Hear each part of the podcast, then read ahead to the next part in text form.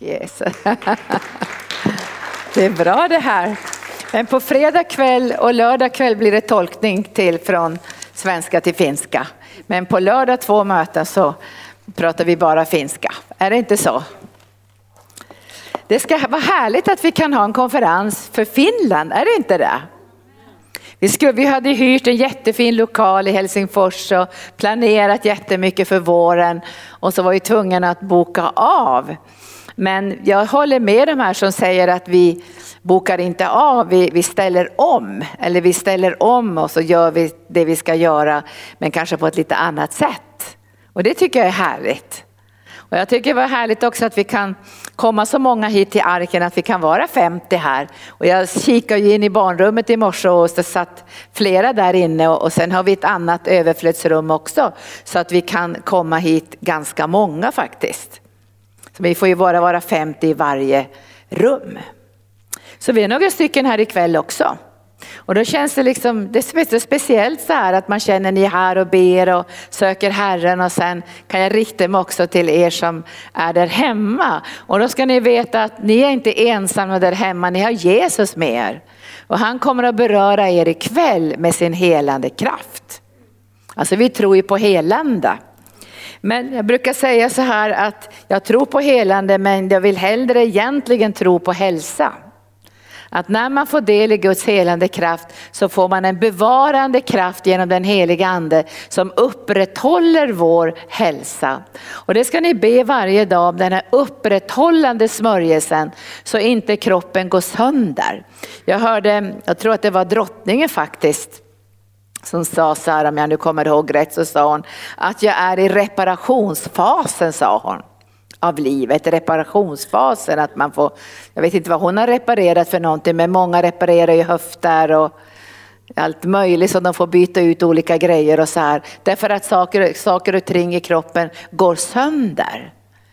Men jag vill inte tro på reparationsfasen. Möjligen när vi ligger och sover så får den heliga ande verka med sömnen så vi repareras när vi sover. Det är bra. Det är därför vi behöver sova ordentligt och sova djupt och sova gott för då, kan, då börjar kroppen att reparera sig och då börjar också själen att reparera sig så det blir en bearbetning i hjärnan som gör att man kan eh, börja nästa dag utan att man är alltför tyngd och alltför trött.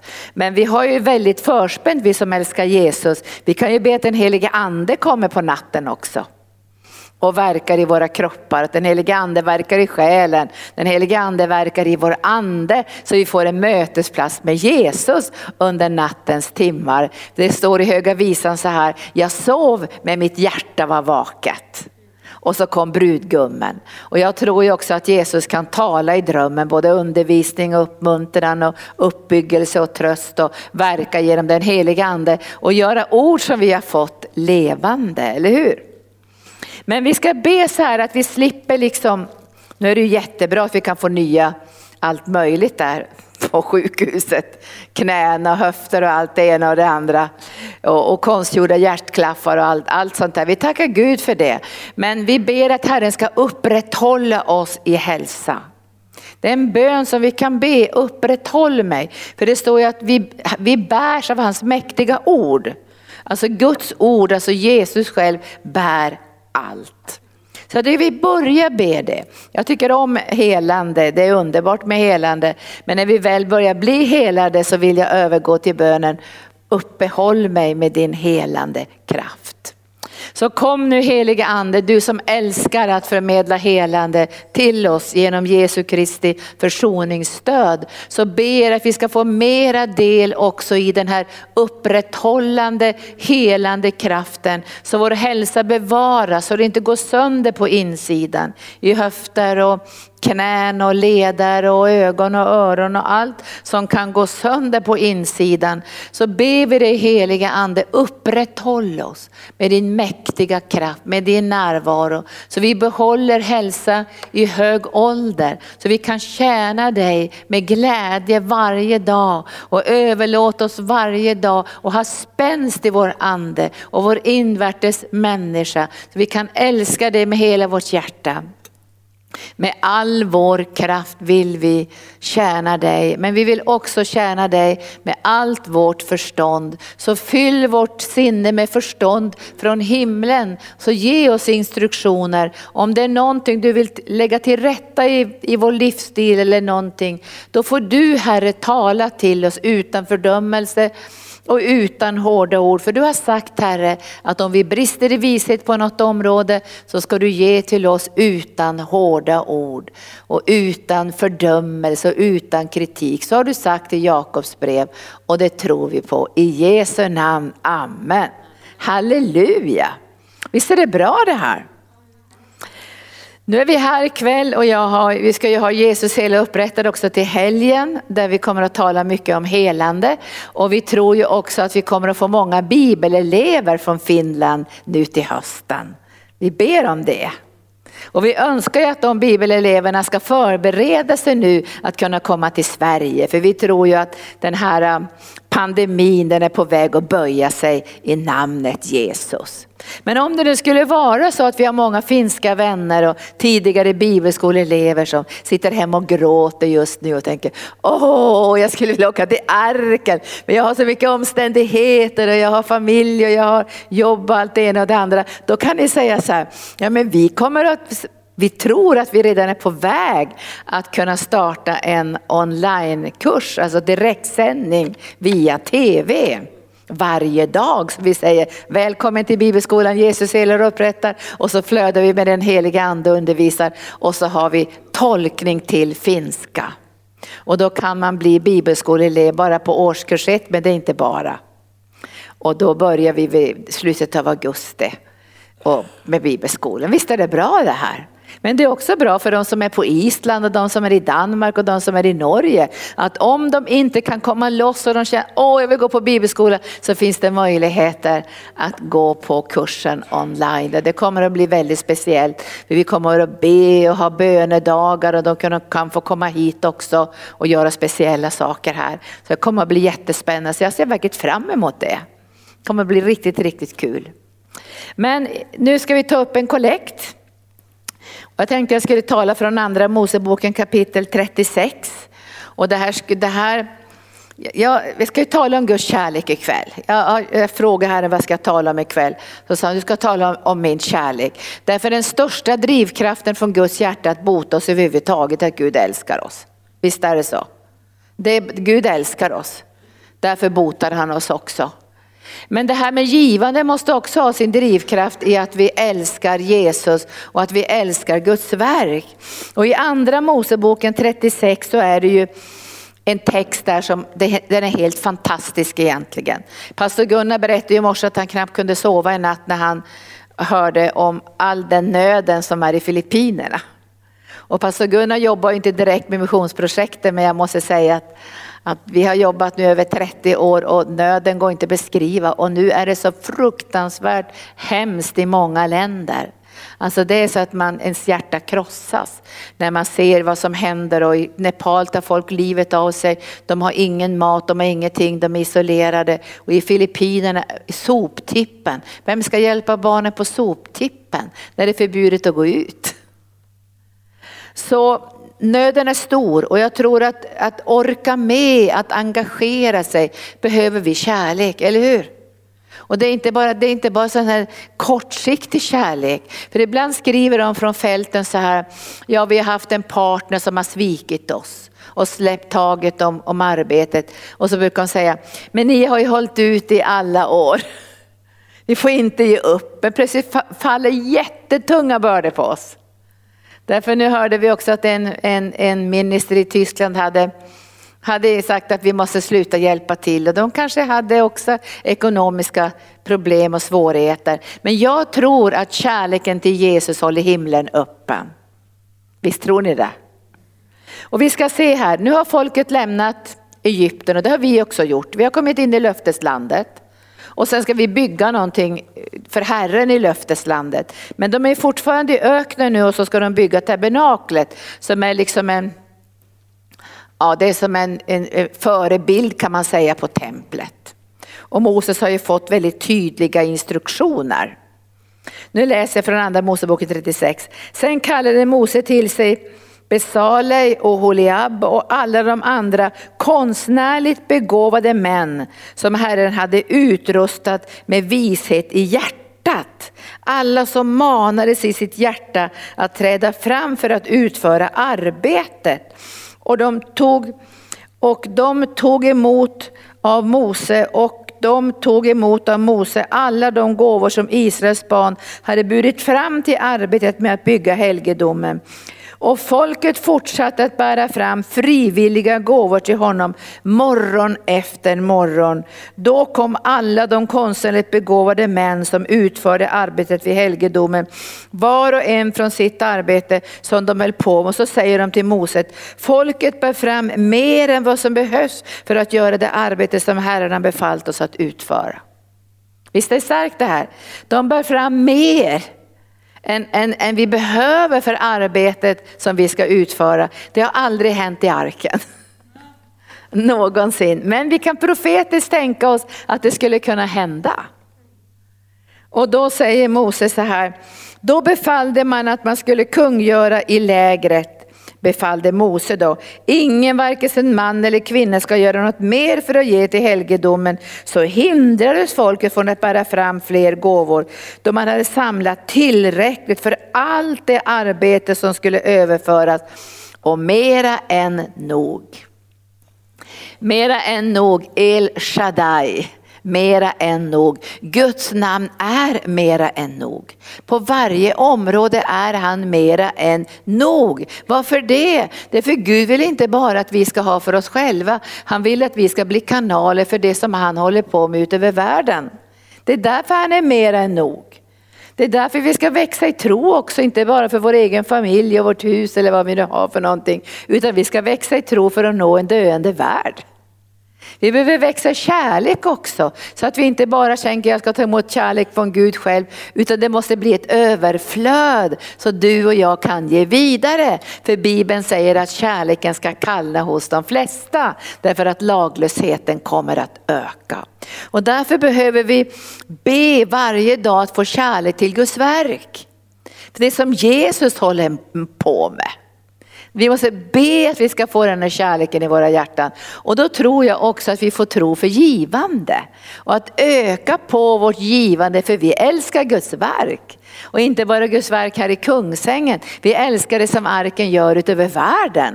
Filippinerna, Israel och Nepal och Indien och Kambodja. Ni har knappt, de flesta av er har knappt varit i Kambodja.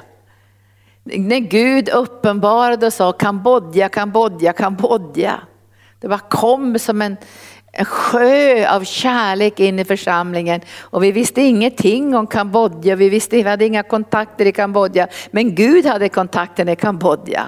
Och så ledde han och det tog ungefär två år förrän vi kunde etablera en fantastisk kontakt i Kambodja. Och där har vi varit trofasta nu tror jag ända sedan 1993 eller 94 eller någonting, har vi hållit på år efter år efter år efter år så sov vi in i Kambodja. Och jag tror inte alla av er heller har tänkt så särskilt mycket på Chippo-indianerna. Där har vi haft en missionär i över 20 år som har lagt ner sitt liv för att nå det här folket i det här reservatet. För att de ska få möta Jesus och ta del i evangelium. Men jag skulle önska att en dag skulle pastor Gunnar säga, vi har för mycket. Då skulle han vara superlycklig. Va? Men nu ska vi ge till Herrens verk och vi ska be att kärleken till Guds verk ska väckas. Jag vet hur ni älskar men vi kan väl bara ändå säga att vi behöver lite mer kärlek då för att kunna sträcka oss lite extra. Så nu ber vi dig heliga ande att kärleken till ditt verk ska växa i våra hjärtan, i församlingens hjärta, i alla som ser oss nu via internet. Att det ska bli en kärlek till ditt verk. För du har lett våra ögon ut över världen. För du Jesus, dina ögon har gått över hela världen för att bistå dem med kraft som med hela sitt hjärta söker dig. Och vi ber att du ska bistå oss med kärlekens kraft så vi inte kallnar i våra hjärtan inför den nöd som finns över världen. Och jag ber dig heliga ande att vi ska kunna säga i arken, vi har mer än nog. Vi har mer än nog. Gud du behöver ge oss mera visioner för vi har mer än vi behöver just nu för vårt arbete. Men jag ber dig heliga ande att du ska göra mirakler i arken. Göra mirakler bara av våra partner, bland alla de som stödjer oss genom 90-konto på andra vägar som vill föra in medel in i ditt verk Jesus. Vi ber ikväll att den kärlek som du har älskat oss med ska få ett utflöde i vårt givande. I Jesu Nazarens namn. Amen. Tack Jesus, tack Jesus. Då gör vi så att vi ger till Herren. Så går jag ner och ger också via Swish. Då tackar vi Herren mer än nog.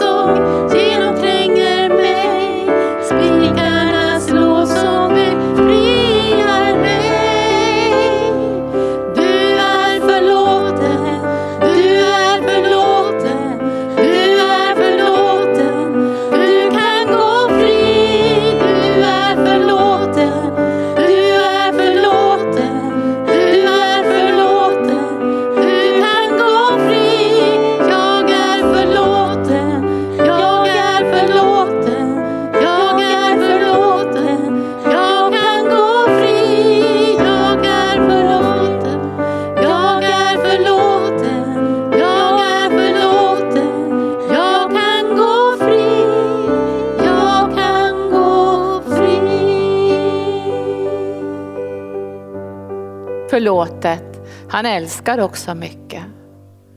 Och vi har sett det Jesus, de människor som du mötte på Bibelns tid, som fick förlåtelse och befrielse.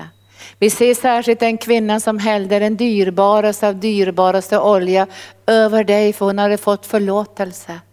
Och därför vill hon uttrycka sin kärlek. Och jag ber helige ande att du uppenbarar mer och mer försoningens verklighet. Vad det kostade dig att köpa oss fria. Vad det kostade dig att bära alla sjukdomar, vad det kostade dig att bli bunden, slagen, förnedrad för att vi aldrig mer ska bli förnedrade utan godkända och älskade. Vi ber i helige ande att öppna våra ögon så inte kärleken kallar, så vi tappar den första kärlekens brinnande eld. Och därför ber vi ikväll helige ande, håll lågan brinnande i våra hjärtan. Håll lågan brinnande på vårt huvud också, så vi fortsätter att tjäna, så vi inte bara har en, en inre tro som vi inte delar med andra. Vi ber att både lågan på insidan och lågan över våra liv ska brinna allt starkare.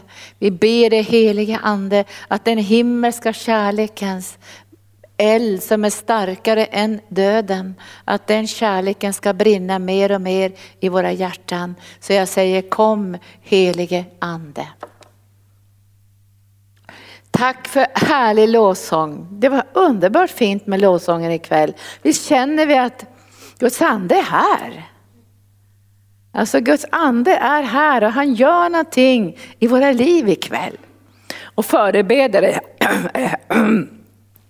Vilken blir godis i halsen. Förebedjare är här och vi kommer att bedja om Guds kärlek. Så nu får ni förbereda er att formulera ord. Alltså om ni tänker på ett bibelställe så formulerar vi utifrån ett bibelställe och löser Guds kärlek. När Guds kärlek kommer i rörelse i våra liv då händer det någonting. Och det här kan man ju se när Guds kärlek började genom Jesus Kristus rörde i Petrus liv. Jag har pratat många gånger om det, vad som hände i honom. Alltså det som verkligen hände i honom det var att han överlät sig till Gud på ett sätt som inte han hade gjort tidigare. Han hade ju haft mycket i sin egen vilja och sin egen kraft och sin egen förmåga. Men i mötet med Guds kärlek var han villig att gå på en väg som han egentligen inte ville gå på i det naturliga. Kommer ni ihåg det? När han, när han säger nu ska vi gå på en väg som du inte har gått på förut. Alltså nu ska vi gå på en väg som du kanske inte skulle ha valt om du fick välja från ditt eget naturliga liv. Men kärleken till Jesus gör att du och jag är villiga att gå på hans väg. Och det hände tror jag på djupet i Petrus liv i mötet med Jesu kärlek när han frågar Petrus, älskar du mig? Tre gånger. Och han får svara utifrån sin mänskliga begränsning, jag agapar dig. Och tredje gången så säger han, du vet allting. Du vet att jag klarar inte av det här i egen kraft. Jag behöver agape, kärleken, för att kunna leva det liv som jag är kallad att leva i den här världen. Du och jag kommer inte klara av trycket som kommer. Vi kommer inte klara av attackerna som vi kommer att möta utöver världen och i våra egna liv utan Guds kärlek. Och det här vet djävulen och därför så varnar Jesus för det här och säger att kärleken kommer att kallna i den yttersta tiden. Därför att laglösheten kommer att öka. Om man tänker nu på laglösheten så kan man tänka på uppror och krig och kiv och våld och mörker och brott och alla sådana saker som har med laglöshet att göra. Alltså den kommer att öka. Och då kommer människors kärlek att kallna. Men den kärlek som kallnar är inte agapekärleken. Det är den här andra kärleken, filioskärleken, kommer att falna i mångas liv. Men det är lika bra att den falnar. För vi kan ändå inte älska i egen kraft. Vi behöver Guds övernaturliga agape-kärlek. Och Gud har sagt att den kärleken är utgjuten i våra hjärtan genom den helige ande. Romarbrevet 5 och 5. Guds kärlek är utgjuten i våra hjärtan genom den heliga ande och därför kommer inte hoppet på skam. Därför Guds hopp är inte bara det naturliga hoppet utan det är ett övernaturligt hopp och Guds kärlek är utgjuten i våra hjärtan. Så även om vi skulle känna så här, men min kärlek räcker inte till, så kanske det bara är filios-kärleken, den naturliga kärleken. Men vi måste komma över i en annan sorts kärlek som är Guds kärlek. Och den kärleken är på ett, ett, helt annat slag. Till och med så säger Jesus, älska era fiender och be för dem som förföljer er. Älska era fiender. Hur ska vi kunna älska våra fiender i det naturliga? Vi måste älska dem i agapekärleken därför att Jesus har gett sitt liv för varje människa och önskar att varje människa ska bli frälst. Och han gav sitt liv för oss medan vi fortfarande var syndare. Det är en sån kärlek som Gud älskar den här världen med. Så älskade Gud världen att han gav sin enda son. Så var och en som tror på honom ska få evigt liv. Så vi får skilja på den här filioskärleken, den kommer att falna. Den kommer inte att räcka till. Men vi behöver få del i en övernaturlig smörjelse och kärlek som kommer genom den heliga ande. Och därför ska vi titta på kvaliteten av den kärleken. Vi ska titta här ikväll och se att Gud kallar sig själv för kärlek. Gud är kärlek. Gud är kärlek. Och då behöver vi se liksom, hur ser den kärleken ut? Vad har den för kvalitet? Ger den upp om vi är jobbiga? Släpper den tag om oss om vi inte klarar av olika saker? Eh, vi ska se det som, Guds kärlek är av en annan sort. Och vi ska titta i det första Korinthierbrevet kapitel 13. För när, när Paulus talar om nådegåvorna så talar han om kärleken som en väg. Nådegåvorna är Guds komprimerade nåd som, upp, som liksom uttrycker sig i de här gåvorna. Och vi hörde ju lite om de här gåvorna i morse. Men kärleken är en väg och Jesus är vägen. Så vi får vandra på kärlekens väg. Alltså förenade med Jesus får vi gå på en övernaturlig väg i den här världen som kommer att kallna allt mer. Så får du och jag gå på en väg som han själv har öppnat genom sin död på Golgata kors. Och den kärleken ska jag läsa om här i kapitel 13. Och då säger Paulus så här i trettonde kapitlet att om vi talar både människors och änglars språk men inte har kärlek så är vi bara en ekande brons och en skrällande symbol. Om jag hade profetisk gåva och visste alla hemligheter, om jag hade all kunskap, om jag hade all tro så jag kunde förflytta berg men inte hade kärlek så är jag ingenting. Därför att tron måste vara verksam genom kärleken, alltså en övernaturlig Guds kärlek som kallas för agape-kärleken. All annan kärlek sinar. Och så säger Herren så här, ja om jag delar ut allt vad jag äger, om jag ska offra min egen kropp till att brännas men inte har kärlek så vinner jag ingenting. Och nu kommer beskrivningen av vem Gud är. Gud är kärlek och vi behöver komma till tro på den kärleken för att vi ska kunna leva i frihet. Därför att det är bara kärleken vänner ikväll som driver undan all fruktan. Det är bara Guds kärlek som driver undan all fruktan. Och när du och jag börjar göra lite, kolla in i våra egna hjärtan så ser vi att visst finns det fruktan kvar. Men det är bara Guds agapekärlek som kan driva ur den fruktan. Det finns ju mycket filioskärlek i den här världen. Mycket uppmuntran från vänner och bekanta och sjukvård eller psykologer och terapeuter. Det finns det mycket filioskärlek. Men för att du och jag ska verkligen övervinna så behöver vi Guds kärlek. Därför det är ingenting som kan skilja oss ifrån Guds kärlek. Visst är det bra det? Ingenting kan skilja dig från Guds kärlek. Och vi ska se, det finns så många saker som vi skulle kunna tänka skulle kunna skilja oss på en gång från Guds kärlek. Våra egna misslyckanden till exempel. Skulle kunna skilja oss direkt från Guds kärlek.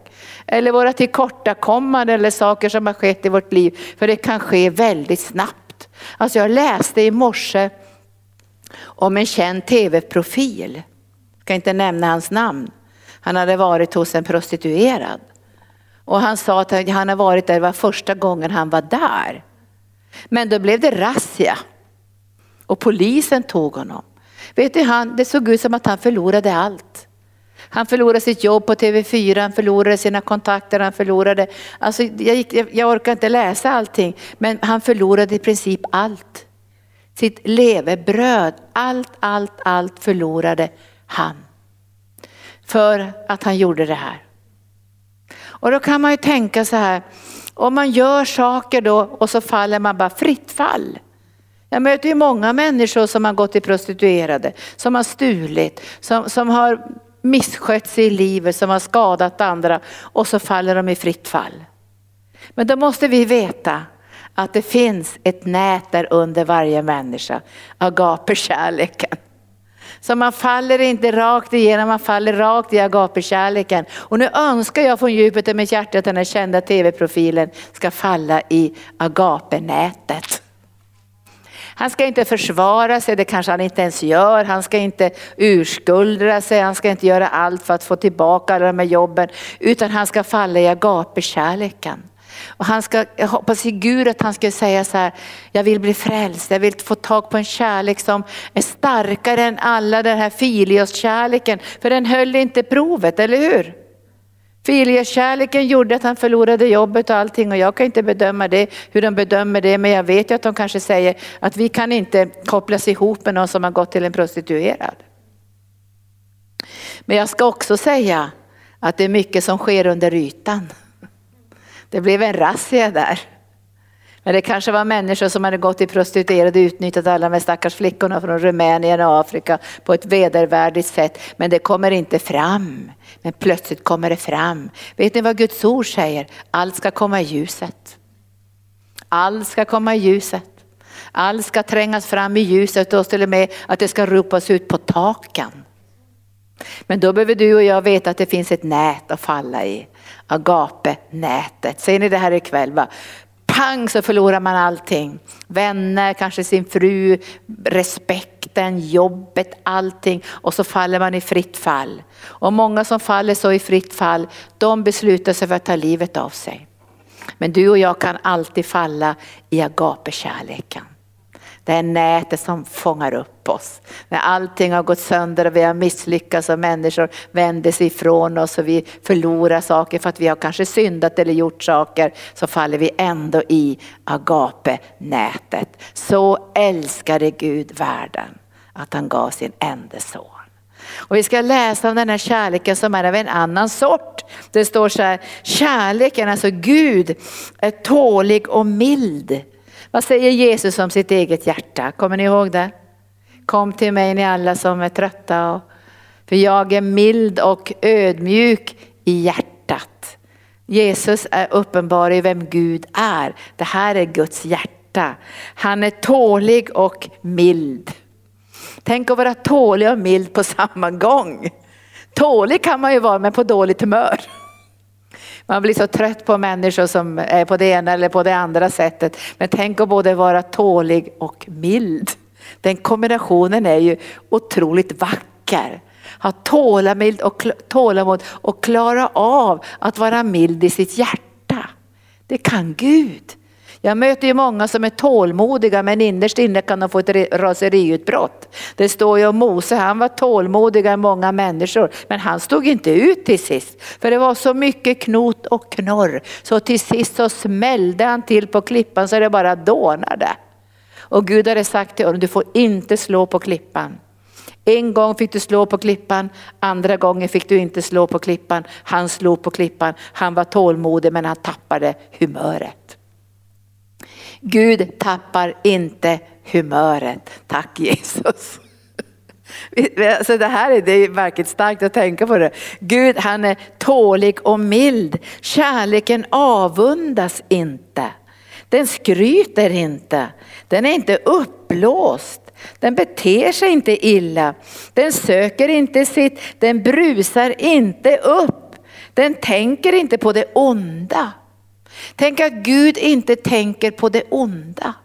Gud har sitt hjärta och sina tankar i det goda. Därför kan du och jag alltid förvänta oss någonting gott.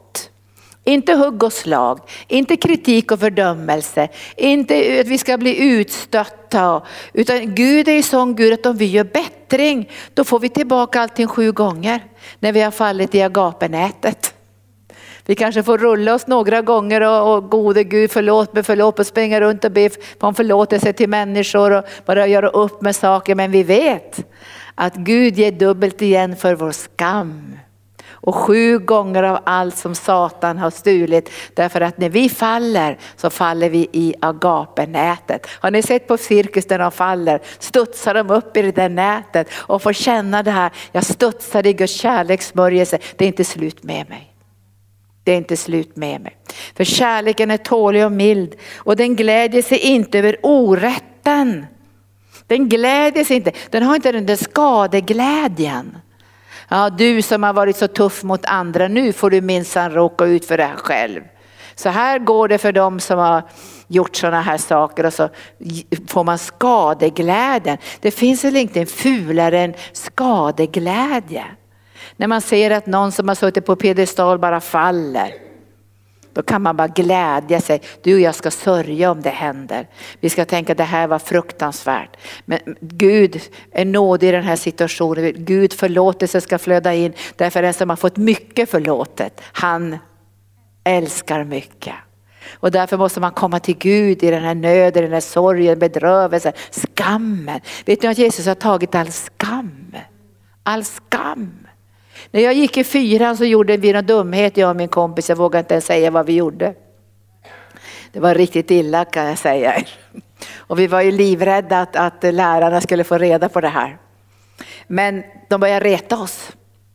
Och jag kände sån fruktansvärd skam och jag och min kompis vi sa så här, varför gjorde vi det här? Varför skrev vi de här sakerna? varför gjorde vi det här? Och vi tänkte rymma.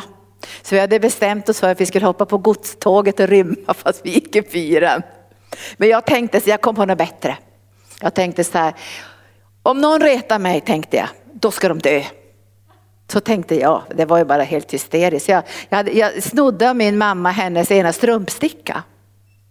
Och sen så, så såg ju killarna kom ju på långt håll och skulle reta oss och sa så här, den första som retar mig, sa jag, har inga ögon kvar. Det var ingen som retade mig. Jag kände ju inte Jesus. Men det var ingen som retade mig i alla fall. Men jag kan ju känna den där skammen, alltså vi hade gjort någonting, usch vad vi hade gjort, vi hade sån skam, så skam, så skam, så skam. Jesus har burit skammen. När, när man har gjort saker och fallit och bedrövat familjen och sin arbetsplats och sina vänner, vilken skam. Man ska inte fly från skammen, man ska fly med skammen till Jesus. Och så får man nåd utöver nåd utöver nåd. Man behöver inte ta fram strumpstickorna utan man får en upprättelse i Jesus Kristus. Därför Guds kärlek, den är så fin så här, den, så här, den gläds inte i orätten men den gläds med sanningen. Den gläds med Guds drömmar och Guds planer för dig. Den gläds över det som Gud talar ut över ditt liv. Och sen står det så här, den bär allt, allt bär den. Hur orkar Jesus bära allt? Allt bär den.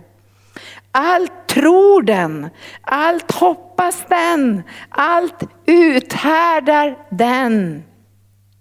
Kärleken upphör aldrig, men profetiorna ska försvinna och tungomålen ska tystna och kunskapen ska försvinna. Och sen så står det i trettonde versen, så består nu tre saker, tro, hopp och kärlek. Men störst av dem är kärleken. Därför att det är Gud som är kärleken. Och får vi inte varje dag del, delaktighet i agapekärleken så kommer vi inte att klara det. Jag tror inte vi kommer att klara det. Det går inte.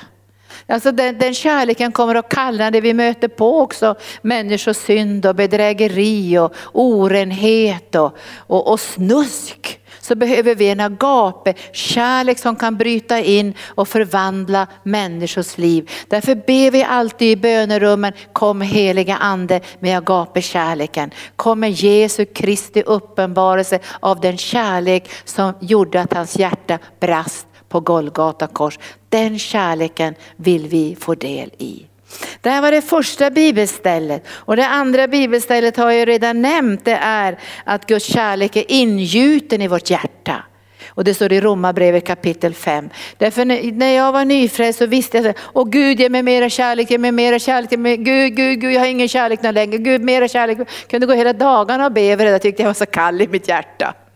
Tills jag började bekänna sanningen, din kärlek är utgjuten redan i mitt hjärta. Den är redan utgjuten i mitt hjärta och den har förmåga att växa. Gud har gett mig ett frö av sin agapekärlek. Jag har den redan i mitt hjärta.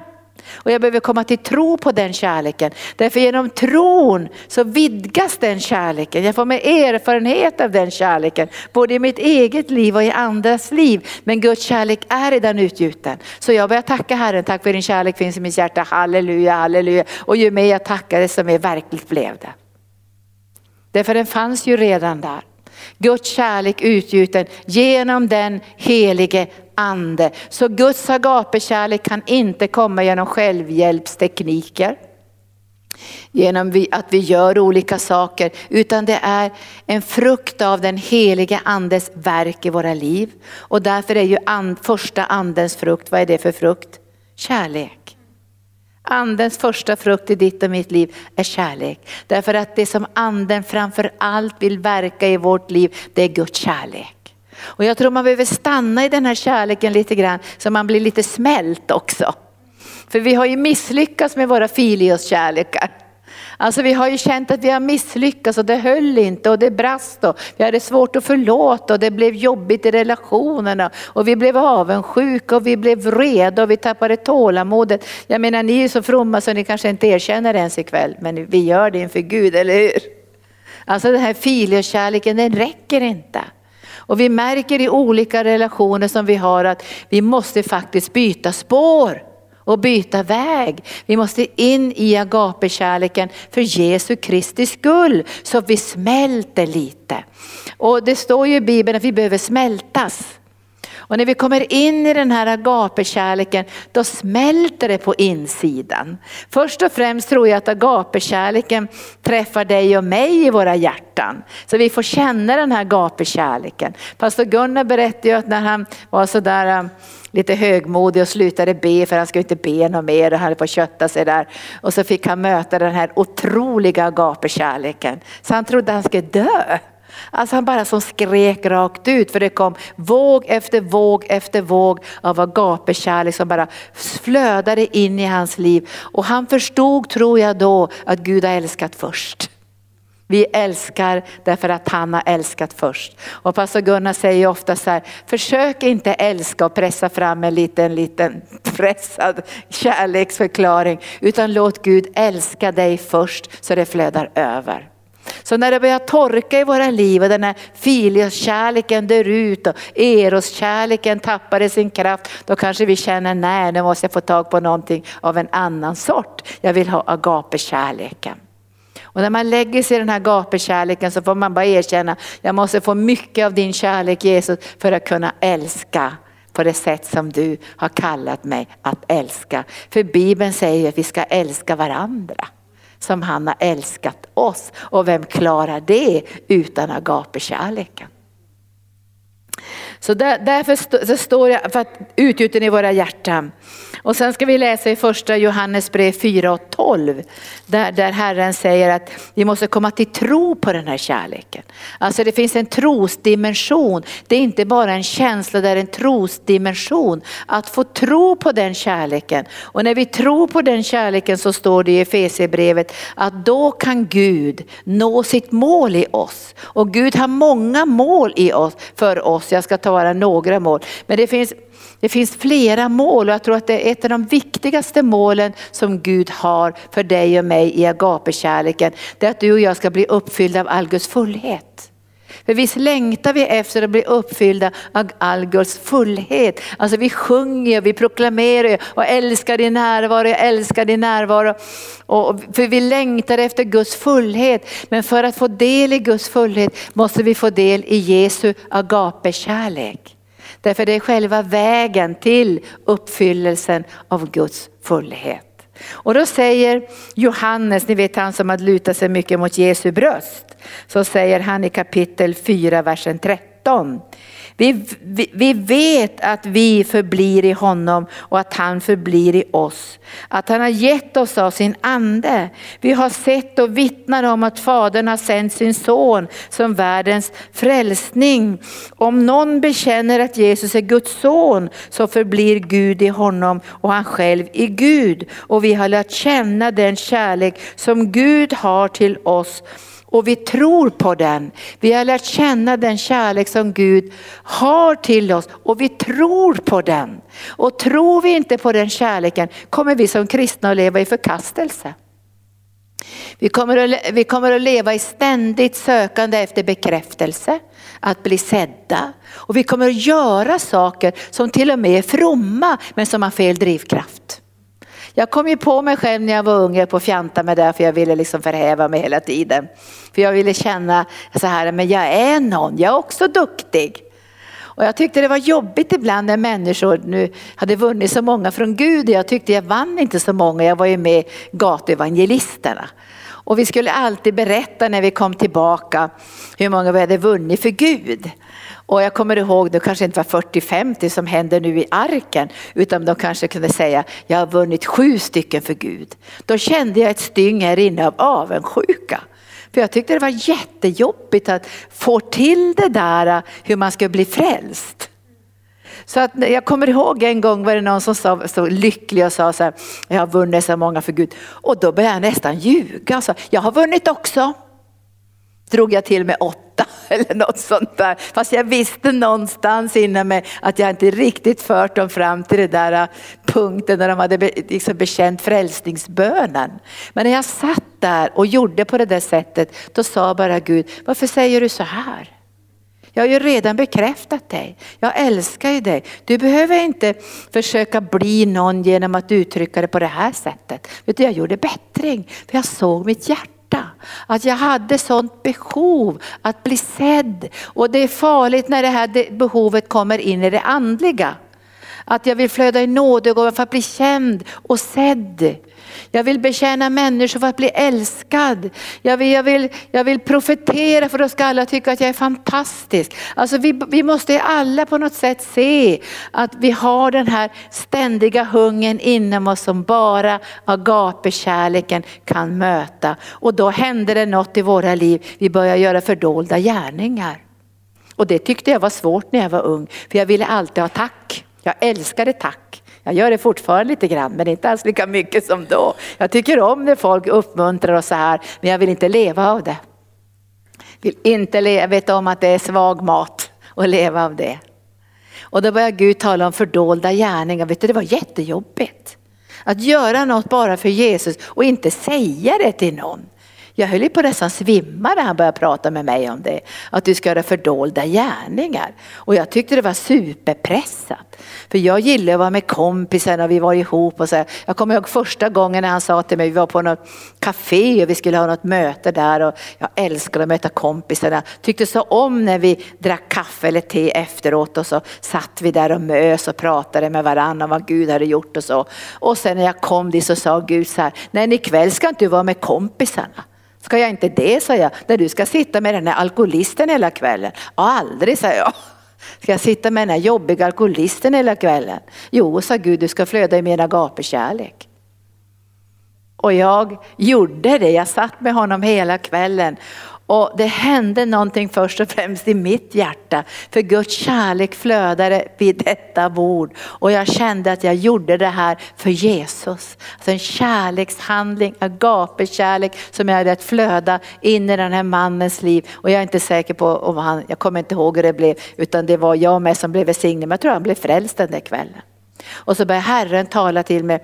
Du måste träna dig och få ett tack av mig i agapekärleken. Nu gillar jag när vi får berätta om många som har blivit frälsta och vi får glädja oss tillsammans. Men jag känner samtidigt att jag måste veta själv om jag berättar det av en hunger. Och jag hade en väldig hunger på insidan när jag var ung därför att jag hade ju haft ganska tråkigheter i min bakgrund. Och Herren började tala till mig och säga, vissa saker Linda ska du göra i det fördolda. Bara för mig, för jag vill lära dig att gå in i det fördolda rummet och få belöningen från mig. Ja men då ser ju inte de andra vad jag har gjort. Nej men jag ser det. Så att den här hungern stillades i agapekärleken. Vet du vad jag pratar om ikväll? Det är ganska jobbigt en kristna har mycket förkastelse. Därför blir det så mycket jämförelse. Man får självhävdelse, man känner sig misslyckad, man känner sig vägd på våg och man tycker man inte är lika duktig som de andra. Och vi måste få bort det här. Och jag tror det enda sättet att få bort det här är att bli helat med gapekärleken. Och jag har ju berättat för er när den här tjejen låg på gatan och jag var så from där, hon hade spytt ner sig och, och, och jag sa till folk runt omkring, jag ska ta hem henne till min studentbostad och jag ska tvätta henne, jag ska välsigna henne. Och, och så frågade varför gör du så här? För Jesus sa jag, för Jesus. Och jag kände riktigt så jag bara växte där, för Jesus. Och jag tog hem henne och tvättade henne och hon somnade i min säng och jag låg på golvet och pratade lite med henne om Jesus. På morgonen var hon borta. Men jag var så hungrig när jag vaknade och jag visste precis vilka jag skulle ringa till, mina kompisar. Och jag skulle berätta för dem vad jag har gjort på natten. Hur jag tagit hem den där flickan och jag har tvättat henne. Och så skulle de säga, åh vad underbart Linda, åh vad fantastiskt. Jag bara Visst är det skönt? Jag bara kände det där att de skulle säga det. Och jag tog upp telefonluren, jag hade massor med kompisar i bönegruppen. Och så hör jag bara Jesus säga, det här får du inte berätta för någon på tio år, jag ska dö. På tio år, Gud jag kommer att spricka. Men då sa Herre, jag ska träna dig. För det finns en ny dimension av agapekärleken. Jag tror jag skyddas mycket genom agapekärleken faktiskt. För jag har inte den där hungern längre inom mig. Men jag tycker om när människor uppmuntrar och skriver något sms eller att vi får höra att vi har gjort bra ifrån oss i arken och så. Men jag har inte hungern längre. Det är som att agapekärleken har stillat den här hungern på insidan. Att jag känner mig nöjd att jag får tjäna Herren. Och jag känner mig nöjd när jag får mitt tack från Gud. Jag tror det har beskyddat mig för vissa tider får inte du och jag tack från människor. I vissa tider kan vi till och med bli föraktade eller förföljda eller nerskrivna eller att man talar illa om oss eller vänder sig bort ifrån oss eller sviker oss eller bedrar oss. Det finns olika saker som människor gör därför att filioskärleken räcker inte. Har vi för mycket filioskärlek, vi kanske har, jag skulle önska att vi hade åtminstone 90 procent agapekärlek. Men tvärtom är ju inte vidare va? Att vi har 90 procent filioskärlek som bara brister och går sönder och vi bara sticker ifrån varandra. För vi ska ju älska varandra. Och vi måste ju älska igenom prövningar och utmaningar och attacker och allt vad som händer både i församlingsliv och i relationer. Så måste vi älska igenom och det klarar inte vi om vi har bara 20 procent agape och 80 filios. Då brakar det. Alltså visst är det så. Och därför behöver vi ju tänka så här då att om Gud är kärlek så måste vi komma till tro på den kärleken. Så nu läser jag vidare här. Gud är kärlek, den som förblir i kärleken. Den som förblir i Agape-kärleken förblir i Gud. Och Gud förblir i honom. Och vad har Gud för mål då med den här kärleken? Det finns många mål. Men det här målet tycker jag är fantastiskt. Då står det så här, att vi inte ska ha någon rädsla inför domens dag. Alltså vi ska inte vara rädda och tänka, tänk om vi inte duger på domens dag. Tänk om vi inte har vunnit så många människor som vi önskade. Tänk om vi inte klarar det här livet. Då måste vi tänka så att agapekärlekens funktion i ditt och mitt liv är att få bort den här fruktan för straff. För han vill ju uppenbara i den här agapekärleken att jag har tagit all straff på mig på Golgata kors.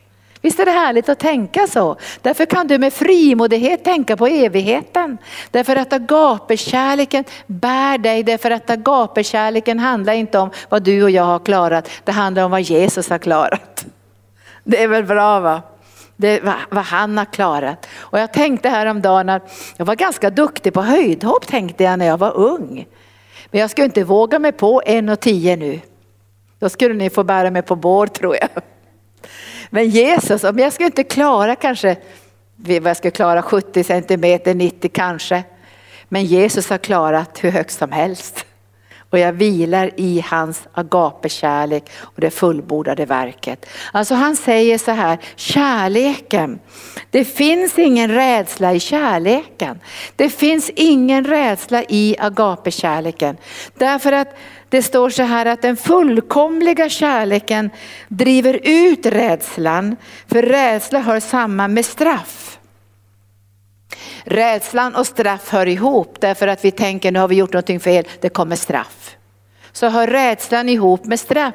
Men så säger han så här, den som är rädd är inte fullkomnad i kärleken. Och Jesus var fullkomnad i agapekärleken och han hade ingen rädsla.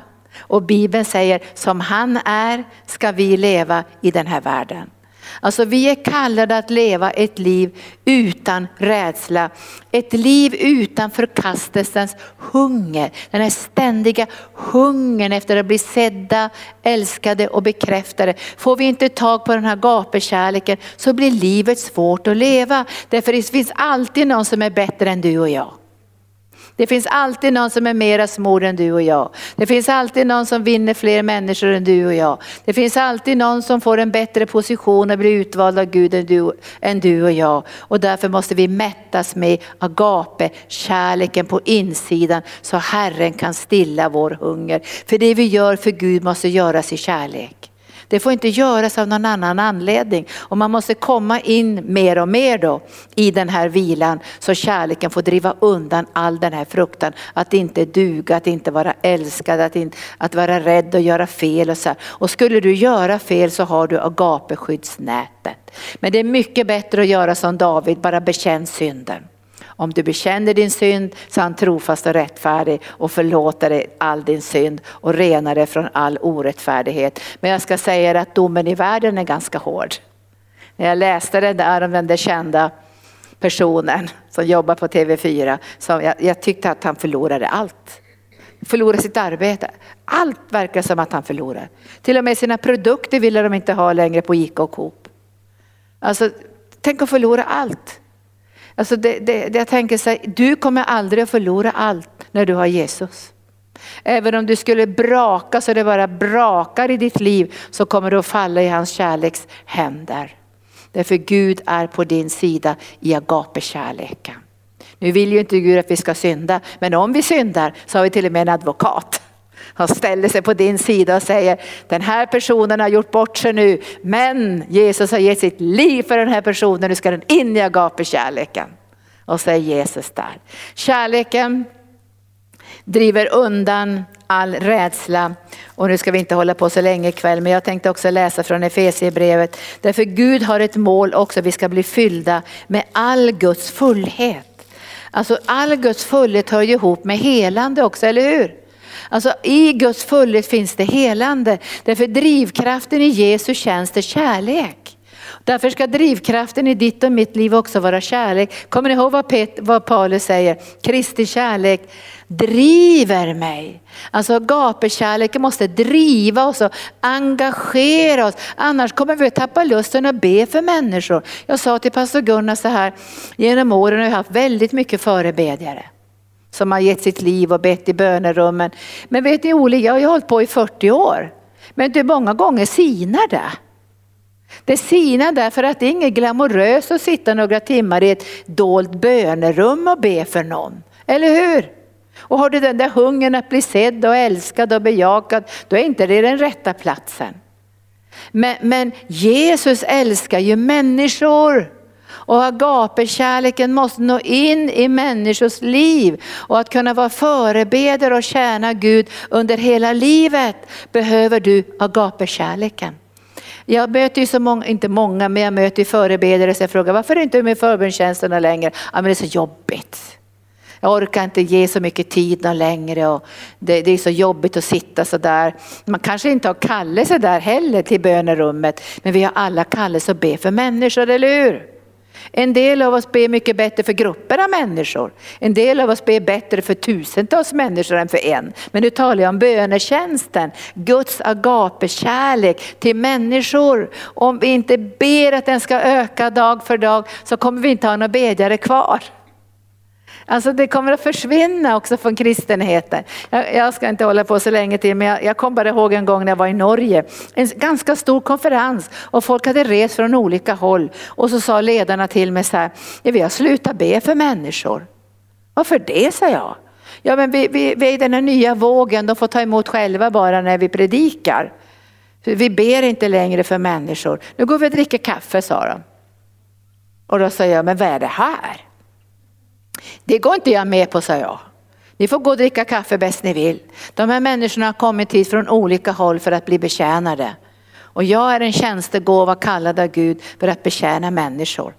Kanske inte alla gånger i bönerummen, för det har jag gjort i många, många år. Men att träna och utveckla och utbilda och, och be på olika sätt, och både kollektivt och individuellt, för att hålla agapekärleken levande. För Gud älskar människor och han önskar att vår agapekärlek ska växa så vi får del i Guds fullhet. Därför annars kommer vi inte orka. För filiokärleken orkar inte att lämna ut sig på det här sättet och vara en kanal för Guds kärlek i människors liv. Nu förstår ni agapekärleken, hur viktig den är. Och det är samma med Eros-kärleken. Hur många par har inte skilt sig? Därför att eroskärleken håller ju inte. Den första, alltså man får genomskåda eroskärleken. När folk blir jättekära så här, så är det många gånger bara hormoner. Det är hormoner som sätter igång. Om vi, det kan ju vara väldigt lite vetenskap. Sätt hormonerna igång, därför vi skapar och skaffar barn. Det är därför vi vill kyssas, därför att det ska bli en bindning och sen ska vi skaffa barn. Och då måste man ju igenom den här eroskärleken för att se, finns det någon annan grund för kärlek i våra liv? Nu menar inte jag att man ska bara ha gapekärleken så vi säger, jag älskar dig för be, be bra i tungor. Det är inte riktigt så jag menar. Men det finns ju en kärlek som vi har som måste bäras av agapekärleken, annars håller inte den. Man kan inte klara av att hålla förbundet heller utan agapekärleken. Därför viger vi oss inför Gud. Så när, när pastor Gunnar viger människor här så sammanfogar han dem inför Gud därför att de ska förstå det här kommer vi inte att klara av utan agapekärleken. Vi kommer att skiljas, vi kommer att bråka, det blir bråk på en gång nästan. Därför att det är agapekärleken som måste vara det dominerande i äktenskapet, i familjen och i församlingen. Och utan agapekärleken går det sönder. Därför Gud längtar efter fullheten. Alltså han har en sån otrolig längtan och han säger så här att vi ska bli helt uppfyllda av all Guds fullhet. Vi ska lära känna Kristi kärlek 3 och 19 som går långt utöver all kunskap så ska vi bli helt uppfyllda av all Guds fullhet. Och den här fullheten finns inte utanför agapekärleken. Och vi, vi kan älska varandra i det naturliga men vad lätt det kan brista, eller hur? Och det står ju i Bibeln så här, en tvetvinnad tråd brister inte så lätt. Alltså man är ihoptvinnad med agapekärleken, då håller det. Men du vad lätt det kan brista. Vad lätt det kan gå sönder, vad lätt det kan bli trasigt, vad lätt det kan bli fult. Och därför så vill ju Gud att den här agapekärleken ska vara en fortsatt drivkraft i våra liv under hela vårt liv. Och då ska vi avsluta ikväll och se på Jesu agapekärlek. Helande hör ihop med agapekärleken. Därför Gud älskar människor, därför helar han dem. Alltså det är väl det som är själva drivkraften. Jag skulle kunna undervisa om korset och, och Guds vilja och så, men det är kärleken som är drivkraften. Alltså när Gud hela människor är för att hans kärlek måste få ett utflöde och en manifestation i helande. Och ikväll ska vi se det. Alltså det ska bli en manifestation i Guds kärlek. Och är du här ikväll som har den där hungern, alltså den där hungern, det, det, är inte fel att säga, jag har den där hungern att bli sedd och att bli älskad och att bli accepterad. Den är så stark inom mig att jag går sönder om jag inte får den där bekräftelsen. Då behöver du kasta dig in i agapekärleken. För det kan ha att göra med barndomen, med trauma, med saker vi har gått igenom. Det kan vara krig, det kan vara utsatthet, det kan vara andlig fattigdom i hemmet eller ingen, ingen, ingen andligt liv alls. Och det kan vara jobbigt på arbetsplatsen. Så har vi den där hungern. Agapekärleken kan fylla den hungern och då blir allting roligt. Då blir det roligt att ha ett pund. Då gräver vi inte ner det i bitterhet för någon annan har fem pund. Utan då kan vi glädja oss in i kärlekens agape förnöjsamhet. Det är väl också vackert att vi har en förnöjsamhet i agapekärleken därför den är växande. Agapekärleken växer ju för den har som mål att vi ska bli helt uppfyllda med all Guds fullhet och i den fullheten finns helande för själen och helande för kroppen. Och nu möter vi Jesus här och jag skulle önska, jag ber själv till Gud för att det är inte så lätt med åren faktiskt. Därför att i början hade man den här äh, lite naiva kärleken. Och alla är jättesnälla. När jag var nyfrälst trodde jag att alla kristna skulle hoppa upp och ner när jag sa att jag var frälst. Jag trodde alla skulle säga, åh vad fantastiskt Linda, är du frälst? Men jag mötte många som tyckte bara att det var jobbigt. Att jag sprang där, sprang där omkring och ropade att jag älskade Jesus. Tyckte det var jobbigt. Men jag hade som en naiv sån här tanke att alla kristna är snälla, alla kristna är kärleksfulla, alla kristna har superöppna armar och alla kristna kommer att ta emot mig och säga halleluja Linda du har en kallelse. Och så fick man sina första smällar. Har ni fått också sådana? Och ibland fick man en riktig hästspark rakt in i magen så man bara föll omkull och tänkte, finns det ingen kärlek? Vet du, jag jobbade på ett ställe i Göteborg som diakonissa inte särskilt länge. Jag har haft många tjänster, men det här var en liten tjänst. Alltså det var så mycket konflikter, det var så mycket mörker, det var så mycket religiositet. Det var så hemskt, det var så hemskt som nyfrälst att jag stod en dag så här och sa, jag har ju aldrig sagt det sedan dess. Jag stod och så sa så här, Gud om det är sådana här människor jag måste tillbringa evigheten med så tror jag att det får vara. Så sa jag. Det var hemskt va? Gud, då förstod jag att jag behövde någon mer i kärlek Som skulle övervintra och övervinna och överskyla och allt det som Bibeln talar om. Men jag känner nej, det här Gud är för jobbigt. Men tack Jesus så fick jag helande och tack Jesus fick jag möta andra människor. Men jag lärde mig någonting där. Att min, min lilla kärlek som jag hade fått från Jesus, den räckte nog inte. Jag behövde växa i den där fullheten. Och nu ska vi se den här fullheten som Jesus hade i sitt liv. Tack Jesus. Matteus 10 så ska ni före få komma fram. Så ska vi be att den här agapekärleken ska få utgjutas den här kvällen. Och du som är hemma där ska få känna agapekärleken. Tänk dig där synden överflödar, överflödar agapekärleken. Kan ni fatta det? Där skulle väl straffet överflöda. Där överflödar agapekärleken och den hade inte jag. För jag tänkte att jag hade inte så det räckte till de här människorna som jag skulle jobba med. Jag ville bara därifrån. Jag ville inte vara där. Och jag tänkte möter jag dem här i himlen så vet jag att om vi har samma rum som dem ens. Alltså det fanns inte mycket, jag var ju bara alldeles nyfrälst. Men man växer år från år och tänker den här agapekärleken är inte bara att jag övervintrar i någon jobbig miljö, jag kan förändra den. Jag kan tillsammans med Gud förändra vilken miljö som helst för agapekärleken är starkare än döden. Och nu ska vi se vad Jesus gjorde. Han gick omkring i alla byar och städer och undervisade i deras synagogor och förkunnade evangeliet om riket och botade alla slags sjukdomar och krämpor och botade alla slags sjukdomar och krämpor. Vad var det som drev honom till alla dessa byar och städer? Måste ha varit agapekärleken. Vad var det som gjorde att han inte bara stannade hemma och tog det lugnt? Agapekärleken och utan agapekärleken stagnerar vi. Visst gör vi det? Alltså vi vet ju när vi stagnerar, då får man se gång helige ande, helige ande, mer gap i kärleken. För när det varit så jobbigt på gatan, vad säger du Daniel? Det kan ju vara så en ner, nerköpsdag.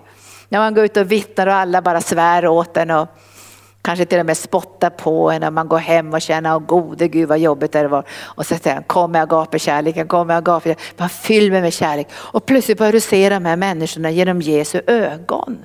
Därför gapekärleken öppnar våra ögon och gör oss till övervinnare. Vad kan skilja oss från Guds kärlek? Inte ångest, inte fara, inte svärd, inte, höj, inte i höjden demoniska krafter eller i djupet eller inte ens döden kan skilja oss från Guds kärlek. Och agapekärleken gör oss till mera än övervinnare. Jag kan inte säga att jag alla gånger under de första åren med Jesus var någon övervinnare. För varje gång vi träffade varandra så sa vi, hur mår du idag? Så sa vi alltid, kamp med seger alltid varit kamp med seger. vi fick hela tiden kämpa med olika saker. Och så börjar gapekärleken sippra in i olika områden i ens liv och så smälter.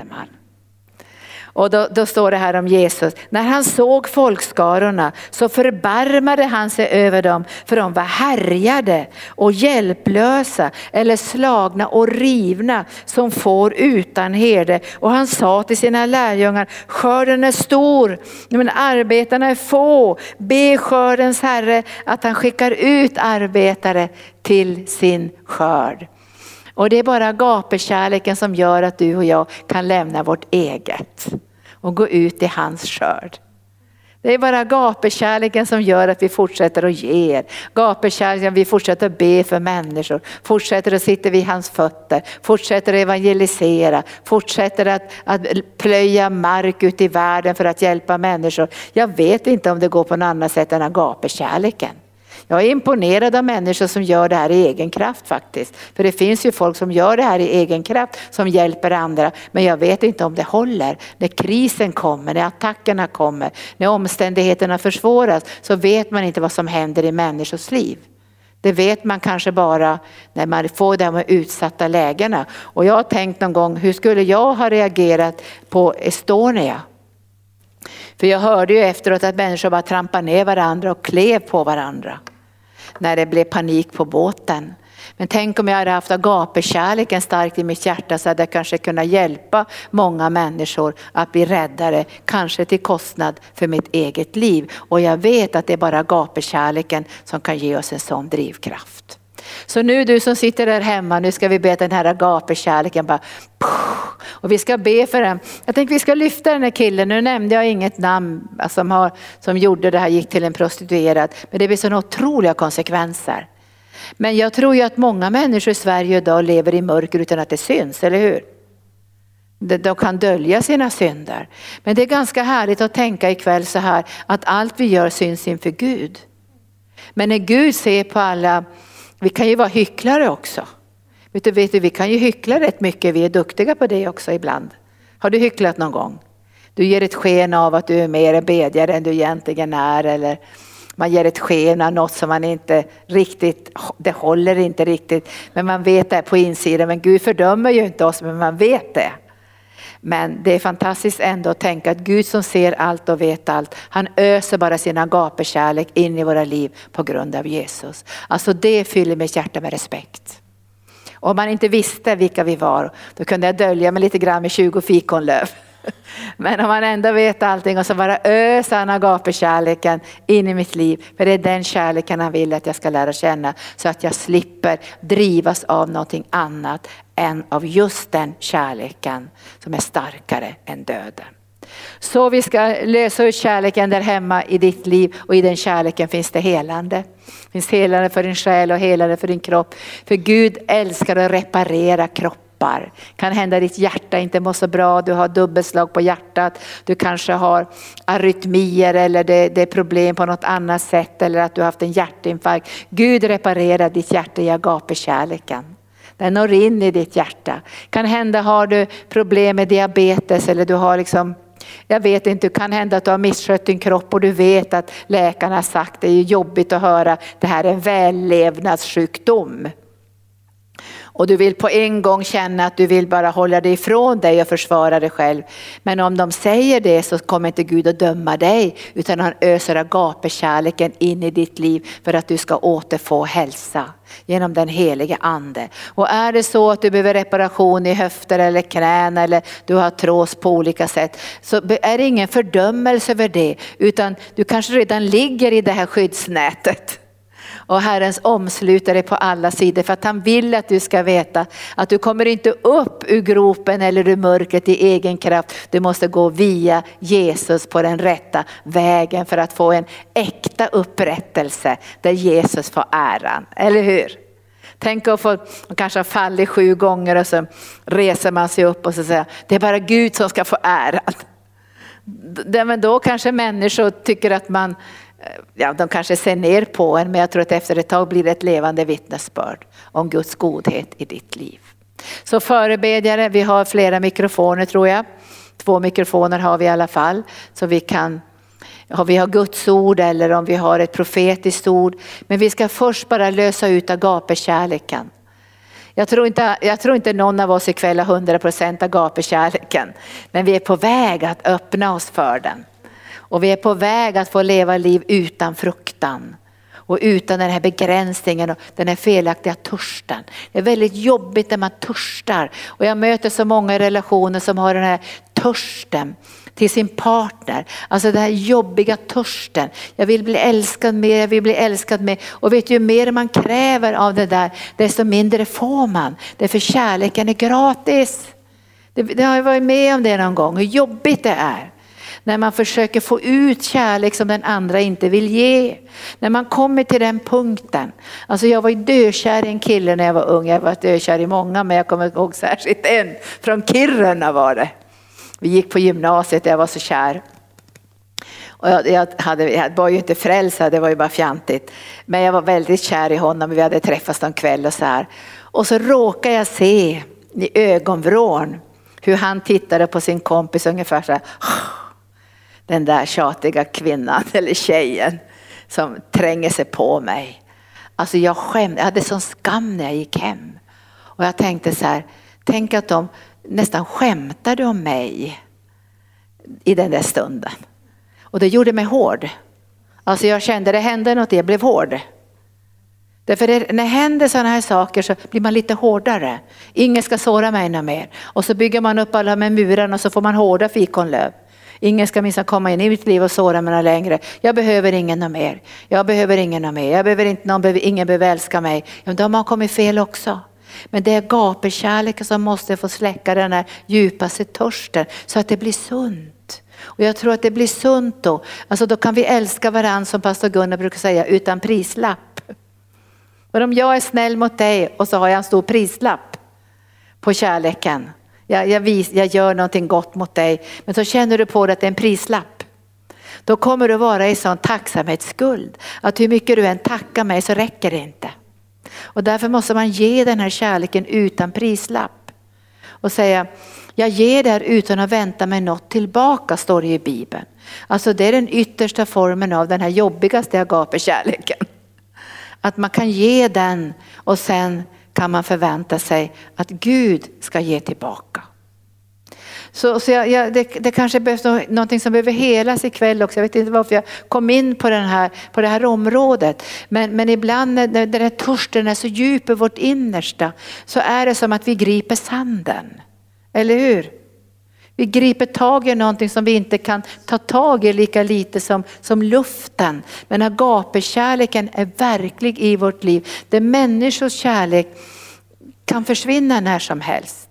Men om vi skulle koppla med agapekärleken så tror jag att vi kommer att ha starka, brinnande, enade församlingar därför att vi älskar varandra bortom begränsningarna. Visst är det så? Bortom personkemin och bortom erfarenheten och bortom åldersbegränsningarna och allt det här så älskar vi varandra med agapekärleken. Och den här läkedomen ska få flöda ikväll. Varsågoda och gå fram och flöda på nu. Tack Jesus.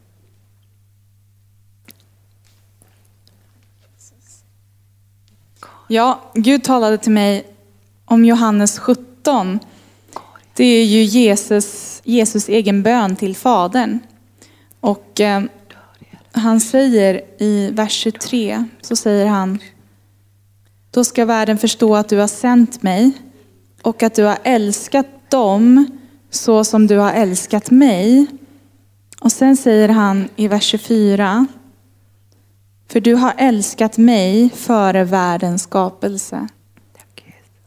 Så Gud har alltså älskat dig före världens skapelse. Du är så dyrbar, du är lika älskad som Gud älskar liksom sig själv och sin son. Alltså, det är så starkt. Det går, alltså, du är så älskad Innan världens skapelse älskade Gud dig. Det är på riktigt. Så jag bara löser ut den här kärleken Jesus. Din kärlek. Den här djupt grundade, rotade kärleken. Som bara Fadern har till sitt barn. Jag ber Jesus att du går djupt ikväll. Du går djupt in Jesus. Så att människor som lyssnar Jesus får bara känna att de är liksom handgjorda, de är utplockade från den döende världen och de är insatta i ditt rike Gud, ditt goda rike. Att dina, dina barn, de är prinsar och prinsessor Jesus. För du har skapat dem så, du har skapat dem till att vara älskade. Jag tackar dig Gud för att alla människor är som delar av din kärlek Jesus. Vi är liksom, vi hör ihop med dig Jesus. Och i din kärlek så blir vi ett. Jag tackar dig Jesus för att vi får, vi får ta del av den här agapekärleken oavsett vad vi gjort. Eller vad vi gör eller vad vi ens kommer göra. Jag tackar Jesus för ingenting kan skilja oss från din kärlek. Varken nöd eller ångest, alltså ingenting kan skilja oss från din kärlek. För du står så starkt i oss, du kommer aldrig släppa oss. Jag tackar dig för att det inte hänger på oss alls. Det hänger på dig Jesus. Och du kommer göra det och du har redan gjort det Jesus. Och du, du har tålamod, du kommer inte bara tappa oss Jesus. Du står kvar. Du är en trofast vän. Och du är vår pappa. Vi älskar dig Jesus, vi älskar dig tillbaka. Och vi lyfter den här killen nu på TV4 Herre, som att jag ber att han ska falla i agapenätet just nu. Att han ska få lägga sig där i agapenätet, inte skydda sig. Inte bara springa ifrån saker, inte bara försvara sig. Eller, jag vet inte vilken väg han tänker välja, men min bön till dig Fader är att han ska möta en kristen nu. Det finns någon kristen där på TV-huset, någon kristen broder eller syster som känner agapekärlekens starka närvaro och som hjälper honom att falla i det här gapenätet så han kan lämna sin skam, sin skuld, sin sorg där och du ska ge tillbaka sju gånger men du ska få äran i hans liv. Jag ber dig helige ande jag ber att du leder någon i hans väg just nu, just nu. Bara led någon frimodig, någon som har profetians gåva, någon som förstår din agapekärlek och din nåd. Någon som kan se hans liv genom dina ögon. Någon som kan se det han själv säger att han har ett självskadebeteende. Så ska han inte behöva ha det längre utan han ska leva i din agapekärlek och slippa den här ångestladdade hungern och törsten på insidan och bli mättad med ditt goda. För du har sagt Herre, om vi hungrar och törstar på rätt sätt, då ska du mätta oss med din agapekärlek. Men om vi hungrar och törstar efter världens bekräftelse och efter det som finns i världen, då finns det ingen, ingen mättnad och ingen törstsläckande funktion längre. För världen kommer inte att släcka vår törst. Världen kommer inte att mätta vårt innersta behov. Det blir bara övergivenhet av allt sammans. Men du Herre kan göra ditt mirakel. Och vi ber för alla i Sverige som har syndat och, och känner skam och, och, och mörker i sin som kanske inte få samma konsekvenser som den här mannen. Men vi ber här att det ska bli ett ljus av försoning och kastas i agapekärleken. För den som har syndat mycket, han ska få också mycket kärlek och förstå kärlekens kraft i sitt liv. Kom helige ande. Tack Jesus, tack Jesus. Och det är ett bibelställe som har gjort sånt intryck på mig eh, genom flera år. Eh, jag har inte hunnit slå upp det. För man kan tänka att Guds kärlek den är så enorm och ofattbar. Men det står ju faktiskt att vi tillsammans med det heliga kan fatta längden och bredden, höjden och djupet av hans kärlek. Så till, när vi kopplar oss tillsammans och söker Guds kärlek så kan vi också fatta hur enorm den är det, det, är eh, en sån bön också som jag har bett att ja, låt mig fatta den här kärleken så som det står. Och jag, jag tror att det är möjligt. Jag tar emot dig i tro för att det står där att vi kan fatta längden och bredden, höjden och djupet av Guds kärlek. Och det står... Tack Jesus, tack Jesus, tack Jesus. Eh, och vi tackar dig, vi tackar dig, vi tackar dig. Ska vi se, det står i Efesier eh,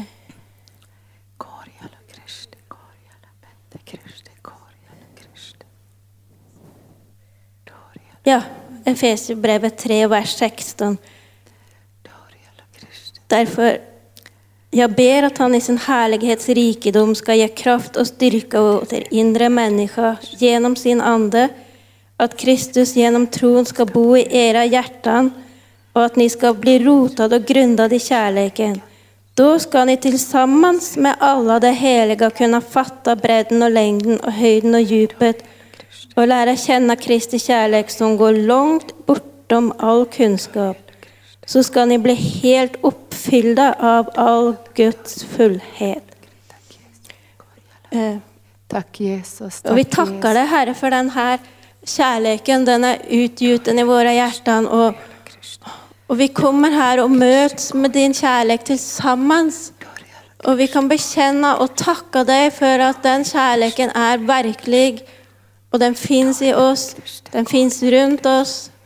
Och den eh, strömmar ut ifrån oss till alla människor. Tack och lov Herre. För den kärleken den är verklig och den är verksam i oss och genom oss. Och vi tar emot den och vi skickar den vidare och vi fattar den. Vi tackar för att vi verkligen kan fatta den kärleken och att den gör någonting med oss och de som vi möter. Amen. med, med en sån stark närvaro. När du uttrycker din kärlek till Jesus är den alltid besvarad. Jag vill att du ska veta ikväll att agape-kärleken från Guds hjärta är alltid besvarad. Det är besvarad kärlek. Och när du utgjuter ditt hjärta i kärlek till Jesus så öser han ännu mer av sin kärlek in i ditt liv. Och jag ser att just nu smälter Gud någon som har den här hungern, den här törsten, den här, den här längtan på insidan. Gud, se, någon människa måste se mig, någon måste se mig, någon måste älska mig. Men Herren säger till dig just nu att agape-kärleken ska fylla dig just nu. Så det här som har blivit hårt i ditt liv, att du har älskat och fått inte något gensvar eller blivit övergiven eller trampat på eller man har talat illa om dig och det har blivit hårt på insidan. Herren säger just nu, det ska mjukas upp. Agape-kärleken mjukar upp ditt hjärta och det finns ingen ska jag säga, prislapp på den kärleken. Han älskar dig därför att kärleken som han älskar dig med är bara på det sättet som kommer ifrån Guds hjärta. Och han tvingar inte dig att älska tillbaka. Men när kärleken fyller ditt hjärta då kommer det att väckas en sån längtan i ditt innersta att älska tillbaka därför att han har älskat först. Och finns det mycket frusenhet inom dig säger Herrens ande så ska du låta den här kärleken ikväll smälta ditt innersta innersta Så att det blir lätt för dig att ge ditt gensvar till Jesus. Och när du ger ditt gensvar till Jesus i agape-kärleken så kommer all den här mänskliga kärleken inte vara drivkraften längre i ditt liv. Utan den kommer att bäras av agape-kärleken. Så filios kärlek kommer inte längre att styra och begränsa dig. Utan agape-kärleken tar över. Och den vänskapliga kärleken den finns nog säkert där. Och eros-kärleken, den sexuella kärleken kärleken finns där. Men det är agape-kärleken som kommer att driva och forma och beröra er på ett sådant sätt att du kommer att få se i ditt liv att all din hunger, all din törst på riktigt utifrån agape-kärleken kommer att bli mött utifrån Guds löftesord. Så ta emot från Herren nu och jag ser också någon som har mycket stresssymptom. Mycket stress och oro över din livssituation. Men agape-kärleken ska fylla dig just nu så den här stressen ska försvinna och böja sig. Därför att agape-kärleken öppnar ditt hjärta så du ser Guds omsorg. Och du behöver se Guds omsorg finns i agape-kärleken. I den kärleken finns allt det som du behöver. Och det är på livets alla områden. Och Petrus säger i, i, i sitt brev så här att allt som leder till liv och Guds Gudsfruktan har hans gudomliga makt och kärlek gett oss genom de stora och mäktiga löftena som han har gett oss i sin älskade son in i våra liv som en, som en gåva. Så släpp bara den här stressen nu och låt Guds kärlek fylla dig. Låt Guds kärlek smälta bort all den här stressen och oron och så låter du Guds kärlek fylla dig och du kommer att höra Gud säga till dig ikväll, jag är med dig, kommer aldrig att lämna dig, kommer aldrig att överge dig. Jag är med dig alla dagar in till tidens ände för jag är kärleken och när du vandrar med mig säger Herrens ande så vandrar du på kärlekens väg och du kommer att få lära känna den kärleken mer och mer och mer för varje dag som du tillbringar med mig, säger Herrens ande. Ehm, och jag hade fått eh, ett ord från andra Korintierbrevet 12 och 9. Där, det, mm, där Gud som talar till Paulus om just det här att när han känner sig att han är svag, han har så mycket. Och då han säger det här, min nåd är nog för dig, för min kraft den fullkomnas i svaghet. Och sen att han säger därför vill jag hellre berömma mig av min svaghet för att Kristi kraft ska vila över mig. Och just det här att jag fick en stark uppenbarelse i det här att, att just att Gud vill uppenbara för att han inte ser på dig genom din egen svaghet. Han ser inte på, på dig på det sättet genom vad du gör eller inte gör. Utan han ser på dig som sitt älskade barn. Åh, jag bara tackar dig Jesus. Jag bara tackar dig Jesus att du vill bara uppenbara din agape-kärlek till var och en. Din agape-kärlek på att du ser på oss, inte för vad vi gör eller inte gör eller vad vi har gjort, utan du ser på oss genom att vi har tagit emot dig och att vi har, att vi har dig i våra hjärtan och att du ser på oss för dem vi är. Jag prisar dig och tackar dig Jesus och jag ber att du uppenbarar din kärlek, din kärlek som är så hög, som är så djup, som är så bred. Att du bara uppenbarar din agape-kärlek så alla som ser det här, att de inte ska se på hur, vad de, att jag har gjort det, jag har gjort det, jag är så svag på vissa områden. Mitt barn, jag vill bara att du ska se på dig själv genom mina ögon. Att du ser på dig själv så som jag ser på dig. För du är helt och hållet godkänd, du är helt och hållet ren. Jag har tvättat dig ren fullständigt med mitt blod. Och jag prisar dig och tackar dig Jesus. För att din kärlek är så stor att vi aldrig kommer att fatta den.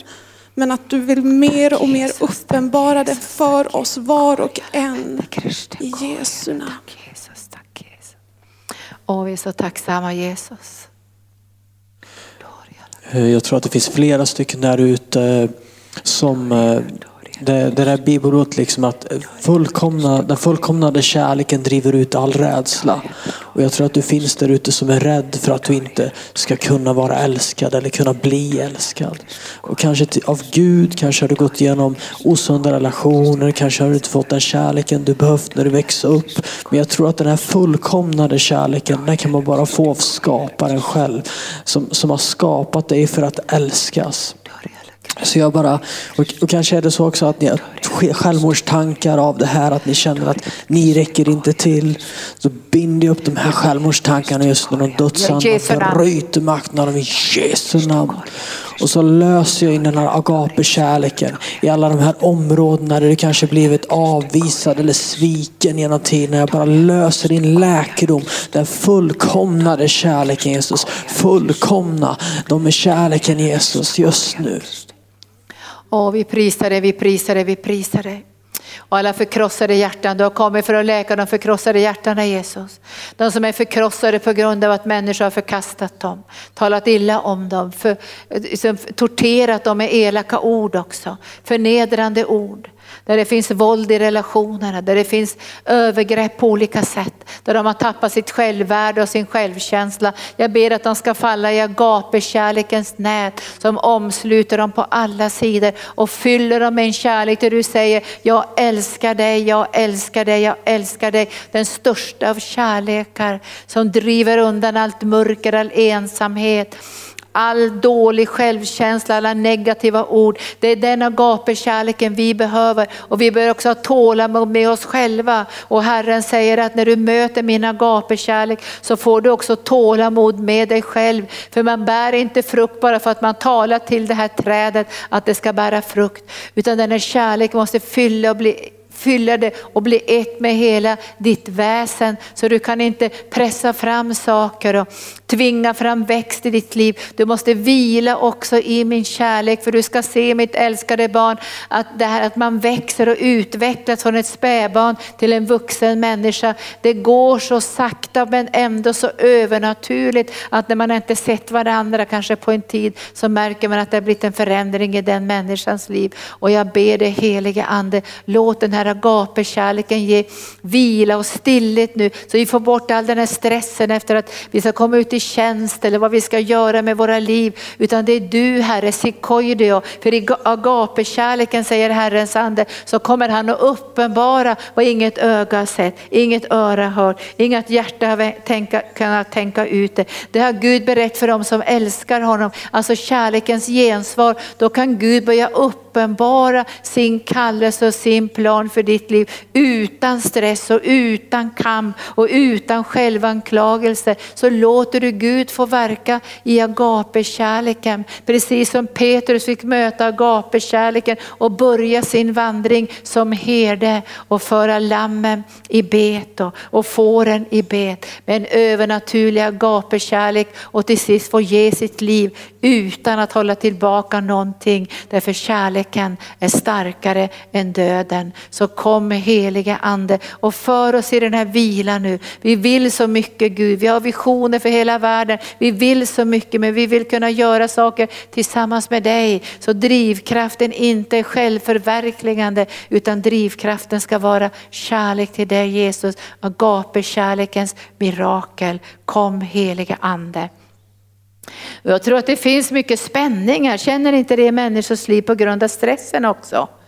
Att man börjar få ont i ryggen och axlarna och fibromyalgi bara för att man är så spänd. Man vill göra så mycket. Alltså man kan till och med få dålig mage av att man vill tjäna Gud. Det är väl jobbigt va? Man får diarré och dålig mage därför att man vill så mycket och kroppen stressar upp sig så här. Agapekärleken gör också att man kommer in i den här inre vilan. För jag läste ju häromdagen till eleverna så här att om Gud inte vaktar huset vaktar vi förgäves. Om Gud inte bygger bygger vi förgäves. Han ger det till sina barn medan de sover. Det är väldigt häftigt va? Att vi kan få saker fast vi inte har lyckats göra någonting och man tänker, men jag har inte presterat någonting. Då säger Gud, det är nåd. Ja just det, det var nåd, ja det var bara nåd. Jag kommer ihåg en av mina kollegor, han, han, hade, han var ju mycket att förbereda sig jättemycket när han skulle predika timme efter timme. Och så sa han till mig en gång, ja jag hann inte förbereda mig för jag var tvungen att gå upp och predika utan förberedelse. Men då kom Guds nåd. Och då sa jag till honom, men är inte Guds nåd alltid verksam? Men just nu märkte du att det var Guds nåd. De andra gångerna tänkte du att du hade presterat ganska bra ändå i din förberedelse. Men den behöver vi kastas ut bara för att få känna det där. Det här är alltid nåd. Även om vi förbereder våra förkunnelsealtar så är det ändå alltid nåd. Vi har gjort oss totalt beroende av Gud. Varsågoda och fortsätt att flöda. Men kom in lite ljus, jag tror att det är lite mörkt här. Så ni syns inte. Jag vill att ni ska synas här. Halleluja. I Johannes 21, där är rubriken Jesus och Petrus. Och du som känner igen dig, sätt in ditt namn här. Gud mötte mig i, i det här bibelordet så jag satte in mitt namn. När de hade ätit sade Jesus till Simon Petrus, Simon Johannes son, älskar du mig mer än dessa? Han svarade, ja Herre, du vet att jag har dig kär. Jesus sade till honom, för mina lamm på bete. För andra gången frågade han, Simon Johannes son, älskar du mig? Han svarade, ja Herre, du vet att jag har dig kär. Jesus sade till honom, var en herde för mina får. För tredje gången frågade han, Simon, Johannes son, har du mig kär? Petrus blev bedrövad över att Jesus för tredje gången frågade, har du mig kär? Och han svarade, Herre du vet allt, du vet att jag har dig kär.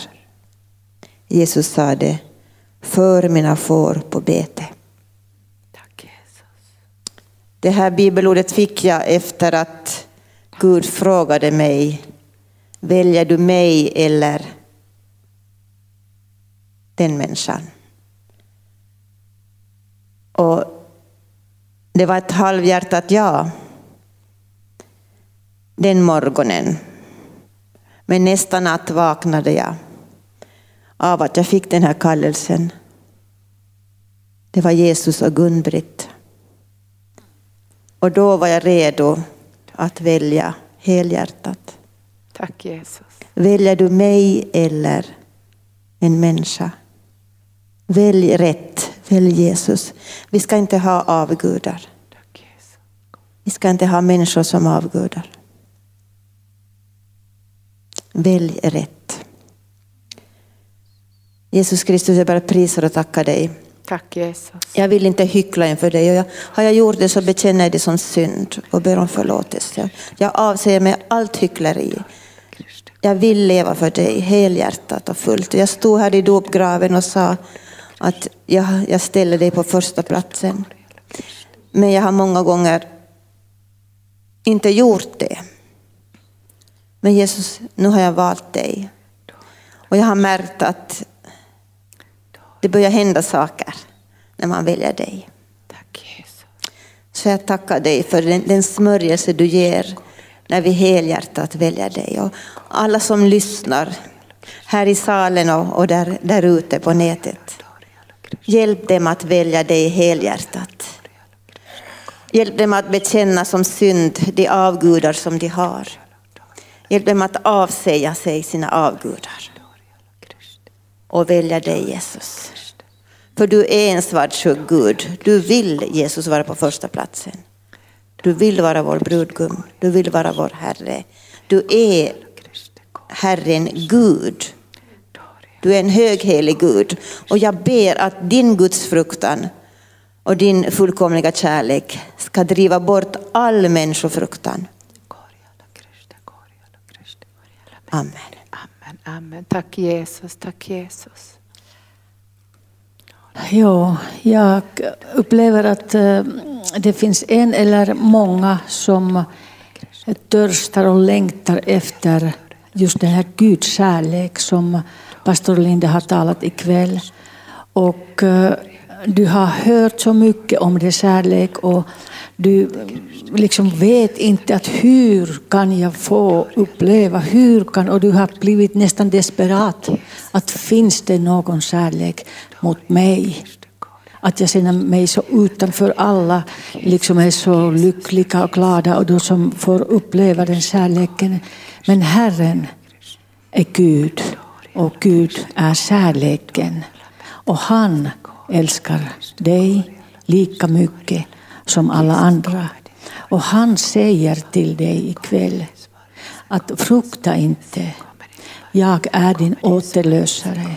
Jag har kallat dig vid namn och du är min, säger allsmäktige Gud. Du är min. Du är min. Och hans kärlek omsluter dig på varje sida. Han har lagt sin hand på dig och han håller dig i sin hand. Han ser dig. Var inte desperat. Slappna av och släpp dina egna.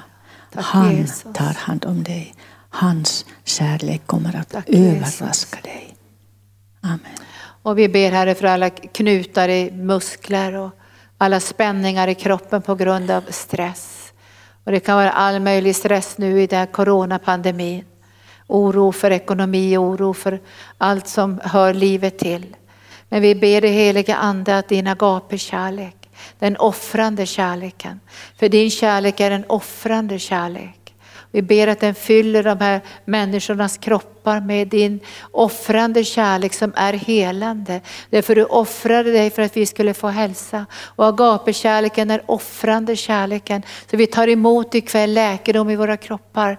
Vi tar emot läkedom i ben och höften, höfter och fötter och leder. Vi tar emot läkedom i alla spänningar i axlar och rygg och överallt där det finns spänningar i kroppen. Kom heliga ande med agape-kärleken, den offrande kärleken och bara smält allt det här av spänningar i kroppen och oro och bekymmer och allt som stressar oss och stjäl sömnen ifrån oss. Och i namnet Jesus så binder jag upp all stress och jag binder upp alla sömnproblem och jag binder upp den här djävulska hungern, den här djävulska hungern som plågar så många och gör dem stressade. Jag binder upp det här i Jesu namn och jag löser den offrande kärleken, agape-kärleken kärleken som gav sitt liv på korset för att vi skulle få del av det eviga livets salighet redan nu som är fysisk hälsa, själisk hälsa. Bara verka ikväll nu Jesus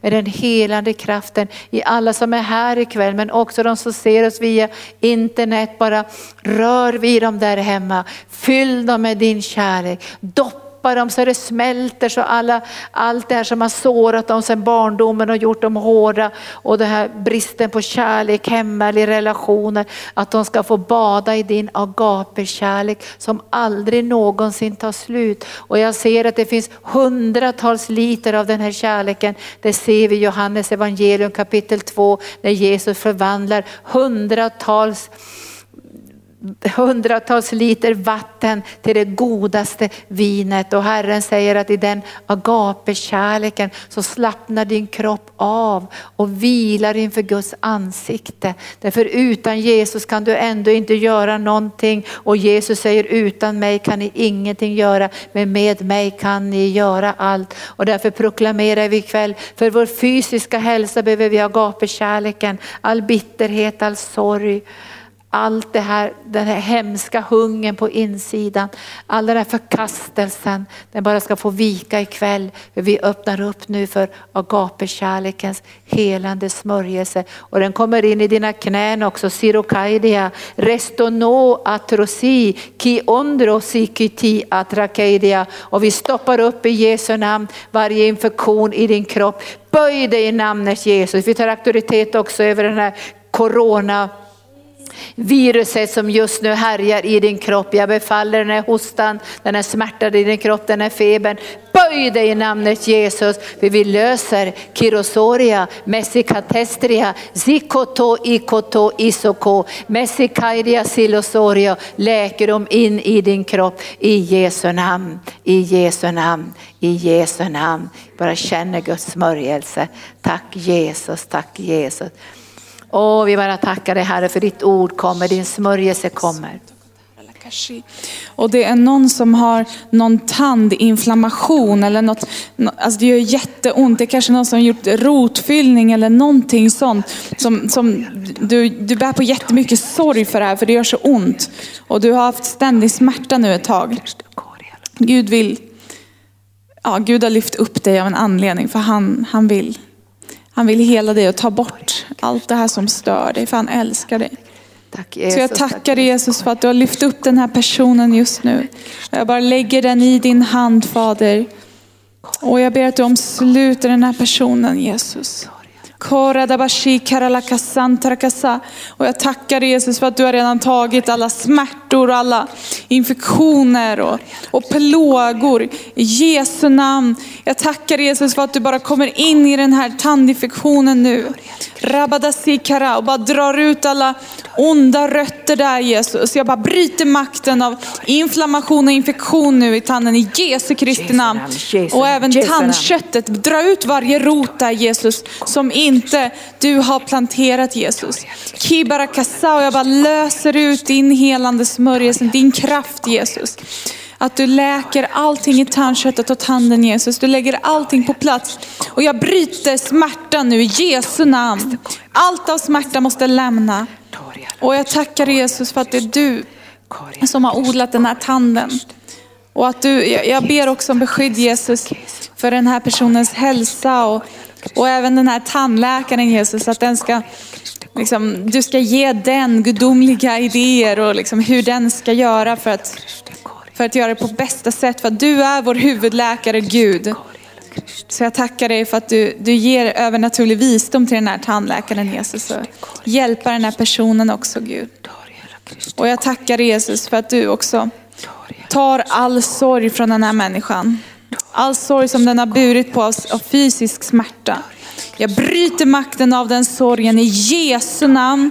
För den har, ingen, den har ingen makt att regera i den här personens liv. Utan det är du som regerar Jesus. Jag proklamerar ut att den här personen tillhör dig Jesus. Jag tar auktoritet över allting som har försökt förstöra förstöra den här personens fokus på dig Jesus. I Jesu Kristi namn. Orabakashi, jag banar en väg i vildmarken, i ödemarken. Labasi karakaso tarakasi parakason taralakasa.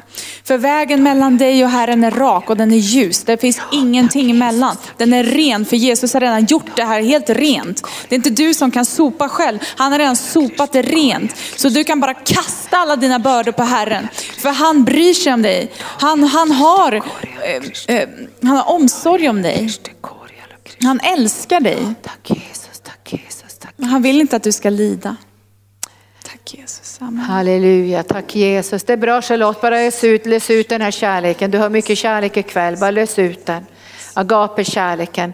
Filios-kärleken, det är inte fel på den, men den räcker inte. Eros-kärleken, den här mänskliga kärleken mellan man och kvinna, den räcker inte heller. Vi behöver agape-kärleken som den yttersta drivkraften för att klara av utmaningar och prövningar och attacker och stormar och vindar och vattenmassor som slängs sig emot vårt hus. Men vi vet att agapekärleken är starkare än döden.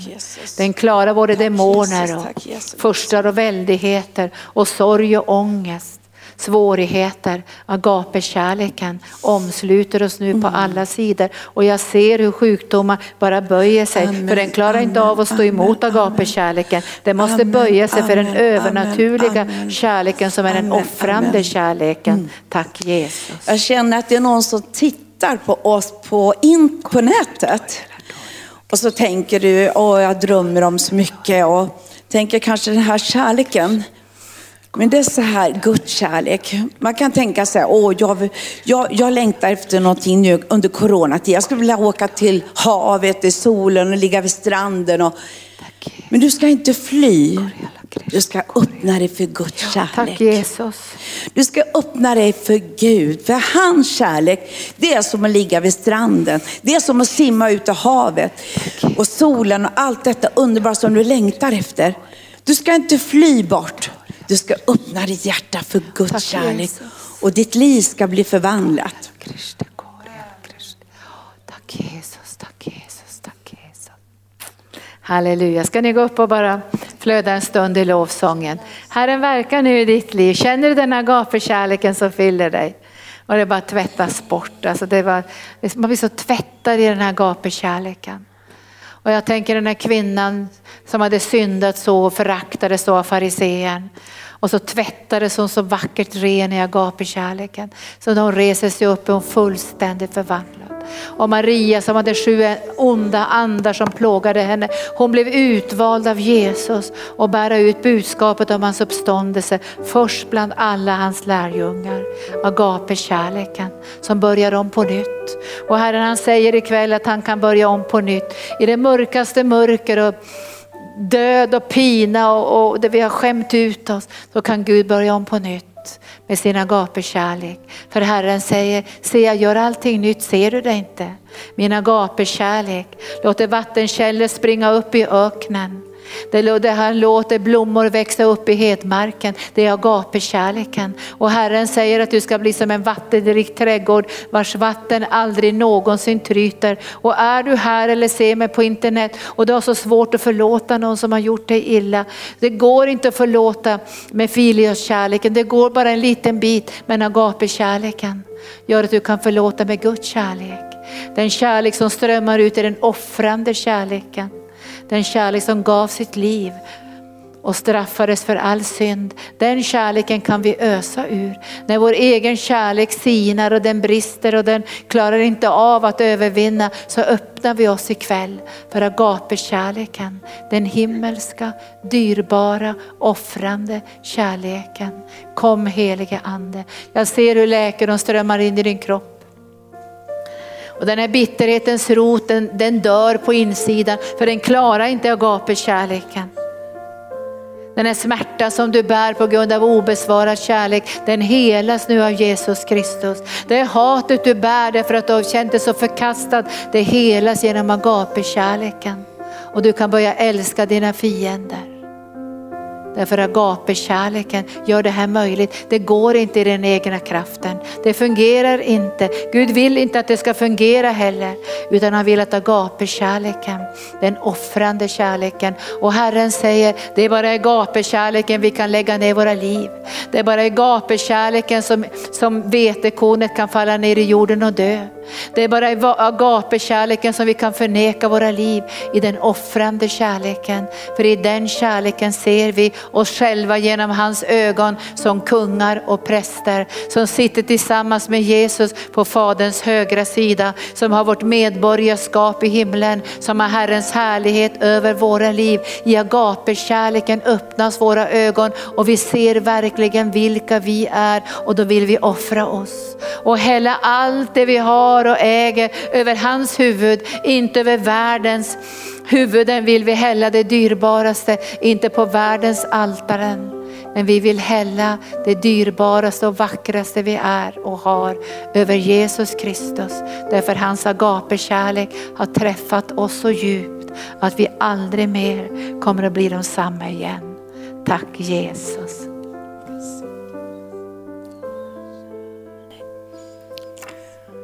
Ja, jag, jag tror att det är människor som eh, känner på en eh, skam. Det kan vara för dina känslor, det kan vara för tankar, det kan vara för handlingsmönster eller även hur du ser ut. Men Jesus han har tagit på sig all skam och han vet hur det känns att vara föraktad och inte vara någonting i människors ögon. Och jag ska läsa en liten bit från Jesaja 53.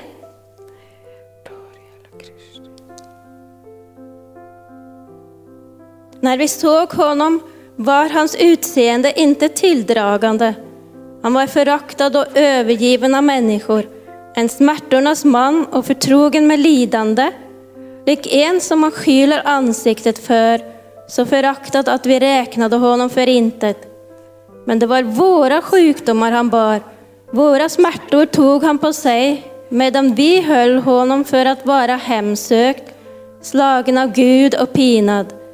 Han var genomborrad för våra överträdelsers skull, slagen för våra missgärningars skull. Straffet var lagt på honom för att vi skulle få frid och genom hans sår är vi helade. Så vi har full upprättelse. Du kan bara komma till Jesus som du är. Du kan våga öppna dig för människor också. För du är så dyrbar. Det är som en sång som inte ens är kristen, men jag tycker texten är så fantastisk. Den säger ungefär så här att ja, jag kan se dina färger, dina verkliga färger. Och de är så vackra som en regnbåge. Så även om du känner smärta, du känner skam och du ser på dig själv så ber jag nu om att vi alla ska få se oss själva så som Jesus ser på oss. Med kärlekens ögon som inte dömer, som inte upptar, först och främst lägger märke till allt det negativa, men som lägger märke till hur gullig du är, hur vacker du är, vilken underbar skapning du är för att du är skapad av honom. Han är så nöjd med hur han har skapat dig och han ser dig så som han har skapat dig, så ser han på dig. Han ser inte så mycket på det som, som har gått snett. Han ser på vilken skapning du egentligen är. Och han gillar att vara med dig. Tack Jesus. Han gillar dig. Tack Jesus. Halleluja, han gillar att vara med dig. Visst är det härligt? Tack Jesus. Vi låter den här kärleken bara fylla oss och jag tror den här kärleken gör att vi bevarar vår hälsa också. Därför den här kärleken som Gud fyller dig med gör att du älskar dig själv. Och Bibeln säger att vi ska älska vår nästa som vi älskar oss själva. Och jag tycker ibland är det lättare att älska andra än att älska sig själv. Men det är inte bra. Därför då kan man få den där hungern och så kan man slinta någonstans i sin tjänst att man vill att andra människor ska möta en och få den här kärleken mött på ett felaktigt sätt. Men jag tror att agape kärleken nu gör att du kommer att älska dig själv och vi är inte så vana att älska oss själva.